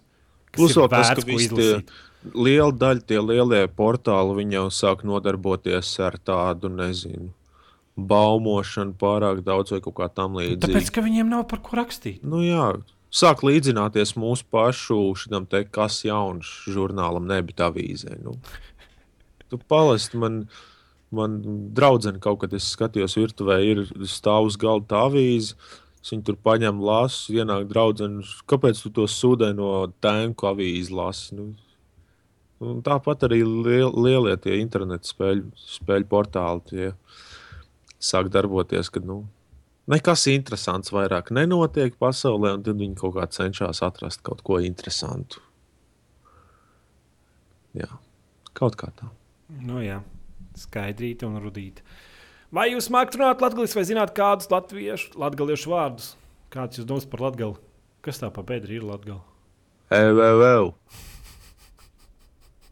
Es, man, man dzimtas saknes ir no Latvijas. Vai jums ritenis ir izgudrots? Vai jums joprojām kantains viņš ir? Nu, nevajag tā. Nu, nē, nē. Es, es nezinu, es neesmu nekad Latvijā bijis. Es saprotu, ka Latvijā, Latviešiem vienā brīdī bija tas Latvijas mūzikas uzplūdums. Vai joprojām tas ir aktuāli? Jā, Borova MC un tā Nu, vienkārši just, Nezinu, nemāku latviešu runāt. Es atceros, pirms pāris gadiem spēlēt Counter-Strike, kad bija serverī viens vai divi latviešu džeki, un kaut kas, tur, kaut kas no citiem cilvēkiem sāka baigi, baigi tur dirsties. un Tad viņi latviešu sāka nu, nolikt viņus. It kā ne, neizmantoja nevienus nekādus tur krievu valodas vārdus vai angļu kaut ko tādu, tīri tikai latviešu, nu, ar to latviešu dialektu. mm -hmm. Nu, tā ka tur viss pārējie serveri, neviens bez mazliet vairs nespēlēja, tur turēja vēderu un līdz asarām nosmējušies. Bija. Bet, nu, nezinu. Mūsdienās jau daudz vairs, vairs nerunā tīri latviešu valodā, arī pašā latgalē. Tāda lēnām nomirstoša valoda. nu, ko tu uzskati, tas ir plus vai mīnus? Mīnus savā ziņā. Es uzskatu, ka tas ir plus. Kāpēc? Tāpēc, ka nu, latviešu valoda ir. Es nezinu, nu, kam, kam tas vajadzīgs. Es, es, es, es īsti nesaprotu. Nu, kā, kā, kā, kā tu uzskati, ka tas Nē, ir nu mīnus? tā jau plaši jau nevajag to izmantot, bet, piemēram, būtu labi, ja to no paudzes paudzē nodot tālāk, jo to, tā tomēr ir daļa no, no Latvijas vēstures, tā teikt. Nu, jā, bet tam ir speciāli cilvēki, kas to darīs. Es nezinu, nu, tagad visiem tagad raudāt, ka Latvija Nē, nu visiem runāt noteikti nevajag. Ikdienā, ko dos veikalos vai ko noteikti nevajag, bet, nu, Ai. man ir kaut kā vienalga. Tas man domas vispār visā pasaulē vajadzētu būt vienai valodai, un visi būtu apmierināti.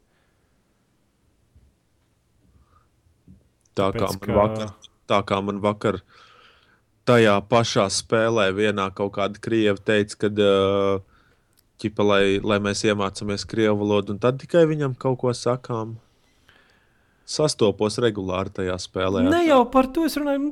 Es nezinu, pēc manām domām, visā pasaulē vajadzētu būt 24 stundu militārais laiks. Fucking nevajadzētu nekādas stundas nekur, nekur apakaļ griezt. Un visi fucking varētu runāt vienā, nezinu, kaut kādā pašā angļu valodā. Man bija pie kājas kādā valodā. Un man, es būtu apmierināts, ja visur visi brauktu pa vienu ceļa pusi. Arī.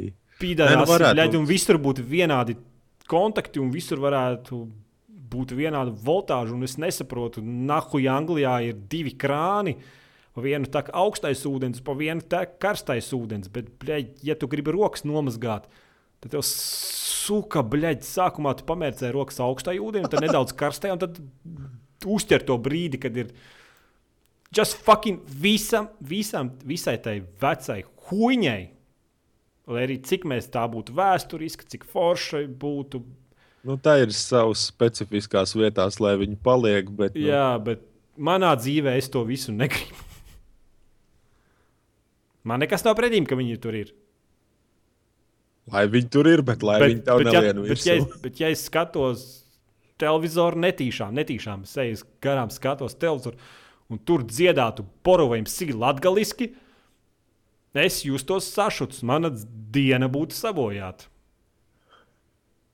Tas man ir negatīvi ietekmēts. Es domāju, ka jebkurā skaidri domājošu cilvēcisku būtni, ja viņš ietu garām televizoram un netīšām ieraudzītu, ka tur dzied borovajam sīkā latgaliski, viņš justos slikti. Viņš justos seksuāli izmantots. Kaut kā tā. Labi, pietiks. Nu, tas ir mans uzskats. Viss tas ir forši, ka viņš ir. Bet tas nenozīmē, ka viņam ir jāpaliek. Un ka progress, progress ka vispār vajadzētu tā kā uz progresu bīdīties. Jep. Jep. Man, pohuim, man, ja visā pasaulē viss sāktu runāt angliski, es būtu gatavs atteikties no latviešu valodas. Man būtu pofīgi. Man būtu pofīgi. Jā, te vairs Latvijā nekas daudz nav palicis no tādām latviskām lietām. Diemžēl. Mentalitāte, o, dzimtene, dzimtā valoda. Bet... mentalitāte, mentalitāte latviešiem čīkstēt par to, ka citiem ir kaut kas labāk nekā viņiem pašiem. Nu, es, nu, es, nezinu, es nezinu, ko tas nu, tā, tā Latvija. Nu, labi, nu, it kā vēl ir kaut kāds manā patriotisms saglabājies. Bet, ja mans fucking Nu, nezinu, man, man ņemot vērā, kā, kā šī valsts tiek vadīta un tā tālāk, nu, nu, tāpēc es, es, saku, es šeit neredzu nekādu baigo nākotni. nu, ja, man, ja man nebūtu kaut cik iedzīgs darbs, es jau sen būtu prom no tās Latvijas. Un man tā latviešu valoda, nu, kur nu vēl latviešu? Mums Rīgā mērķis ir Krievs. Vasilijs. bre. Mums valsts prezidents ir, nezinu, citā pasaulē dzīvo. Sola pa muti visiem dod. Soli pa mutu un aicina vēl joprojām Putinu uz Latviju ciemos. Nelasīju. Nē, Zēbišķis čels viņš ir. Nu, Iepriekšējais bija, iepriekšējais bija dakteris ar drausmīgu, drausmīgu frizūru. Ai, viņi vienkārši viss tas ir smieklīgi. Viss tas ir tik smieklīgi. Labi, mēs aizgājām tik dziļi, Jep. dziļi skumjajos. Tagad Ūdenzirņi. progresē pie ūdens zirņa jautājuma. Kur parasti pērkat pīsīt dzelžus A1 vai 1A? Viens A, 1A un Dateks LV, man liekas, ir labi. Tā. M79. Mm. Kroči internetā. Pārsvarā Nē, internetā. 79, nē, tāpēc, ka viņi ir, viņi ir pimpi. Es pie viņiem pirku, es domāju, stāstīju kaut ko sen par to barokli, ka nopirku barokli. Tur bija rakstīts, ka viņš ir. Viņš divas nedēļas neatnāca, pazvanīja uz viņiem. Tad viņi saprata, ah, mums nav. Īstenībā mums tās preces nav. Es, es prasu viņiem, ko darīt. Ē, nu mēs izdomāsim. Viņi pēc, kaut pēc kaut kādiem trīs ap pus mēnešiem viņu dabūju. Un man bija pašam jāzvana un pašam jāinteresējas. Nu jā. So, viņiem pat neienāca mm, doma pazvanīt man un pateikt, ka šonadēļ nebūs, kā mums te rakstīts, 5 dienu piegāde. So, fuck them! Labi. Pēdējais salnieks, kurš alus viskijas vislabākais pēc jūsu domām? Kāda aldzer? Valmiera mūža Ziemassvētku. Tagad viņš ziemā tikai ir. Nu, Ziemā jau beigusies, brīdī nu, pazudis, domāju, ka es- varbūt bet es vēl vakar vēl, Ziemassvētku. vakar vēl Rimčikā atradu. Tāds ir violeta etiķete. Tas ir viens no labākajiem. Es daru tikai tērvītas senču. Nu, tērvetnieks jau tas ir, bet, bet, bet Valmiera mūža tas Ziemassvētku. Tas pagaršojis. Nu, es, es jau nezinu no tiem aliem neko. Es Nu, viennozīmīgi es iesaku paņemt, pagaršot vienu pudeli Rimčikā nopērts. Viņš ir tāds violeta etiķeti. Viņš gan maksā kaut kādu eiro 40 kaut kā tā, bet ir tā vērts tiešām. Labi, nākošais, kad pirkšu, tad pastīšos.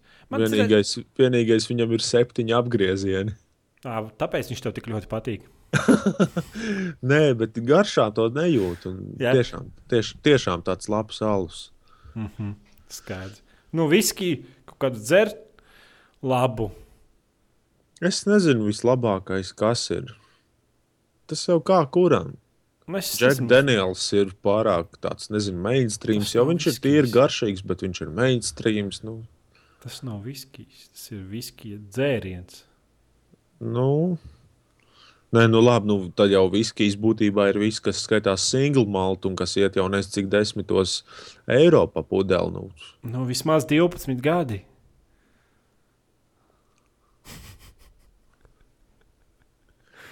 Nu, tad es labāk nekomentēšu. Jā, jā, nē, Bija viens, bija viens Japāņu viskijs, kas bija nenormāli garšīgs. tas saucās vairs- sakē. Nē, viskijs, viskijs tieši, Jā, tieši jā. Ja, bet es neatceros, uh, kā viņu sauca. Nu, es dzeru tādu viskijas. Man ļoti garšo, bet problēma ir tāda, ka visi tie Jamesoni, nezinu, kas tur ir Daniels, visi tie.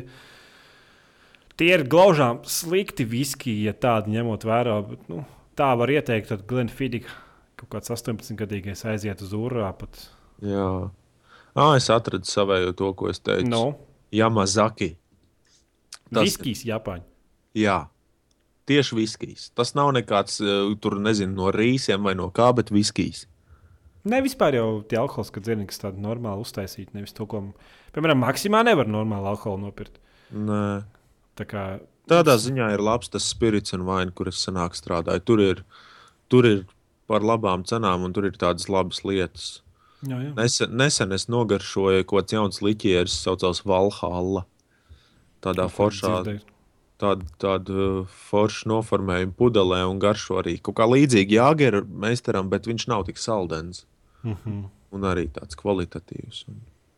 Nē, mēs pēdējā laikā, brāl, draugiem, ir ideja pārstākt, dzert, bet sākt tā kā. Bļaigi, man negribas to vārdu teikt, bet izbaudīt alkoholu. Izbaudīt. jā, jā, tāpēc, ka. Nu, Nu, tā paņemt tiešām nevis kolu sapist pilnu kuģi, bet kaut kādu huņu. Bet, nu, tā kā vīriem pienākās. Es te biju, kad uh, Zviedrijā, laikam, tas jā, Zviedrijā, nevis Dānijā. Uh, tur alkohols tik dārgs, ka viņi tirgo centimetros. Es tādu figūru nebiju redzējis, bet būtībā es samaksāju par 4 centimetriem Jamesona kaut kādi 30 eiro. Un, nu, tie ir 40 gramu. Šausmas. Nu, jā, bet tu, zini, kā man bija tāds slikts garīgais. Domāju, jā, ir kaut kas stingrāks. Bet, nu. Un tad es pagaršoju Jamesonu, tad sapratu, nē, es vairs negribu tādus. Ja es pirkšu, tad es tiešām. Protams, Glenn, Glenn Fidika un visu. Man tas, man tas process. Nu, bet ideja... es arī tāpēc, tāpēc es arī par to alu teicu. Nu labāk nopirkt, jā, tā valmiera mūža ir dārga, bet tu labāk paņem tādu un tu viņu izbaudi, nevis kaut kādas, nezinu, tur cēlus laitu. Piepildīt kaut kādā Kaut kā pirms, pirms divām dienām, man liekas, bija ar vienu labu laiku. Būtībā labāko draugu aizgājis tur pasēdēt, izdzērām pāris tos cēlus laitu. Nu, nu, Netik forši. No Jūt, jūtos vecs dažreiz, ka man vairs tas Tas nav, Piepist nav svarīgi. nav svarīgi. Nē, kā tur, kā tur kājās bija piedzerties un nopisties, vai kā tur bija. Jā, jā, jā. jā tas tas, tas, vairs, es, tas piemēram, vairs primārais tevs dzīves motivācija mērķis. Piektdienas vakarā labāk, ir, labāk es paspēlēju kādu spēli, nevis aizēju kur nodzerties. Jā, man tas process, man tas process nodzerties vairs vispār nesaistās. Mēs pēdējā, mēs reizē, kad sēdējām, divi tādi draugi, Ligiju Fliģinu spēlējām Lanpārtijā. Uh, 0,5 neizdzērām. Jā. Nu, tā pa visu vakaru, laikam, līdz trijiem naktī. Nu, nevarēja. Vienkārši, nu, vienkārši tāpēc, ka nu, tu, tu neredzi vairs nekādu, nekādu no. jēgu. Piepist mūli var jebkurš. Jā, plus vēl pēc tam nākošā dienā tu esi nelietojams. Nu, es arī par to runāju. Cik var katru sestdienu piedalīties no rīta un jūties, kas sūdz? Labi. Ūdens, ko jūs darat, lai atvairītu miegu, kad negribat iet gulēt? Es domāju, ka ūdenzirnim ir pārāk daudz brīva laika. Yep. Man nav tāda laika, kad es negribu gulēt. Man nav tāda laika, ka man, man, parasti, man parasti nav laika gulēt. Bet, lai gulētu, un tad es īsti negribu gulēt, man tā taču nav. Es nezinu. Nē, nu man, man, ir, man ir gadījies tā, ka, nu, ka es nevaru iet gulēt, ka kaut kas ir jāpadara vai kas, bet nu, tad parasti pietiek. Nezinu, iziet uz balkonu vai, vai to pašu kafiju iedzert, lai gan kafiju kaut kur vēl naktī labāk nevajag. Nu, piemēram, ja tev kaut kādu stundu vēl kaut kas ir jādara, tu atceries kafiju, pēc tam, kad ies beidzot gulēt, var gadīties arī tā, ka tu vairākas stundas vienkārši blendzīsi sienā. Tu jūti, ka tev miegs nāk, ka tev nenormāli vajag gulēt ka rīts jau tuvojas un tev būs drīz jāceļās, bet tu nevari aizmigt. Tā kā es nezinu. Sanāk, kojās mēs ēdām maizītes ar rītīgo sinepju kārtu, tā ka tu nokod vienu gabalu, tev asaras saskrien acīs un, un, un miegs nenāk kāds 5 minūtes atkal. Skaidrs. Bet, nu, svaigs gaiss atver kādu logu vaļā tā, jā, lai paliek vēsāks un uzreiz ir, ir labāk. Citiem palīdz televizors. Jā, zinu, kaut ko atslēgt iekšā fonā. Lai... Jā, man besīk televizors. High five. Uh, Aliansīs, cik pils lido, cik pīlītes lido vienā kāsī? Nobody cares. Mm, no mini. Kāpēc lai es minētu kaut ko, kas man, man zero fucks given, kāds fucking pīlīts? Raimons M. Vai The Division būs pieejams uz PC platformas? Jā. Jā. Jā, jā, jā apstiprināja, ka tur vienā brīdī bija pēdiņas, petīcija pēdiņas ciet. Fucking idioti. Tā kā jā. Tā kā jā. tā kā internets izraudāja, palīdzēja mārketingam Mhm. bīdīties uz priekšu. Paula Reicha. Liekas, tas ir kaut kāds YouTube, nē, OCL lieto- lietotājs, kurš lieto kaut kādu YouTube sniku, kas, kurš neatiecās uz viņa OCL niku. Ar GPU sen jau vairs neviens nerok bitkoins dēļ Butterfly labs un citiem hardveriem. Jo, piemēram, man, mana HD 7870 rok kaut kādus tur 400 hashus un var nopirkt tādu mazo SB flash, kurš rok tikpat daudz. Tā kā sen jau neviens viņus nerok ar GPU. Un es jau par to arī teicu, ka, nu, ka nav jēga. Es jau piepriekšējā podkāstā teicu, ne? Jā, ka, teicu, ka nu, nav jēga vispār tur GPU rakt. Tur kaut kādi vēl kaut ko roku, bet tas īsti nav jēga. Tur. Viņš raksta, ka ar GPU roku tikai, roku tikai Litecoins, jo Litecoin neatbalsta speciālo hardware kā Butterfly. Labs, tāpēc tie, kur main, kuri maino viņus, ah, maino roku, kur ir roka, viņus pērk tās 2,90 un 2,90 tiks video kartes. Jā, un, ja viņiem nav ko darīt, lai jau viņi tā dara. Nē, nē, es, es pamēģināju saprast, ka nav jēga. Faktiski apsveicu visus tos, kurus ir Nu, tas nopelnījuši ir, tas ir naudas. tiem, kas, kas sēž mājās pirms divānā un meklē baigo peļņu internetā. Kuras nav? Tieši tā. Nē, bet drīz jau būs jauns. Atvērsies jauna plašuma sadarbībā ar Facebook un VR. Visi tie varēs mājās sēdēt un tēlot uh, aziātus. Un... nu, pēc pieprasījuma, kāda tur vajag. Tur Jā. Vienīgi vajadzēs jocīgās pozās stūtēties pret sienu vai kaut kā tādu. Divas stundas. Par video spēlēm. par video spēlēm, par to, cik pīlīgs lido vienā kasī un, un kurš šāds ir labākais. Šitie, šitie podkāsti man vislabāk patīk. Jā. Labi, atā visiem! Uz redzītī! Nē, uz klausīšanos. Jā, tu kaut ko gribēji teikt. Ko es, es, es aizmirsu? Tu Ah, es gribēju teikt to, ka uh, pēdējā laikā, man liekas, podkāstos kaut kāda aktivitāte komentāros, nu tā sāk palielināties. Nu, cik tur tas pārbaudīšu? 46 Nu, tā. komentāri. Kas? 46 komentāri. Nu jā, bet, bet nu, tā jau viņi vienkārši iet uz augšu, man liekas. Jā, jā, tur viņi tur cīnījās. Kurš velk cepurīti un kurš nevelk cepurīti no folijas galvas? Nu jā, arī. Es ceru, ka neviens Jā, nevainosies. arhīvā nerādās, cik komentāri ir rakstiem. Nav paredzēts. Ātri darbībai. Arhīvā tur ir domāts, lai tu atrodi. Ah. Ātri kaut ko. Bet vienīgais ir tas, ka daudziem vecajiem podkāstiem, ne, bet vispār vecajiem rakstiem, tur bildes ir pazudušas, vai pat pašs rakstus nevar atvērt. Mm, tas ir ļoti veciem rakstiem. Ļoti veciem, jā. Tas ir ļoti, ļoti veciem rakstiem. Labi. Mēs jau pateicām tā, vai tu vēlreiz teiksi tā? Ah, tu šito arī vēl rakstīji? O, nē! Ah, tā!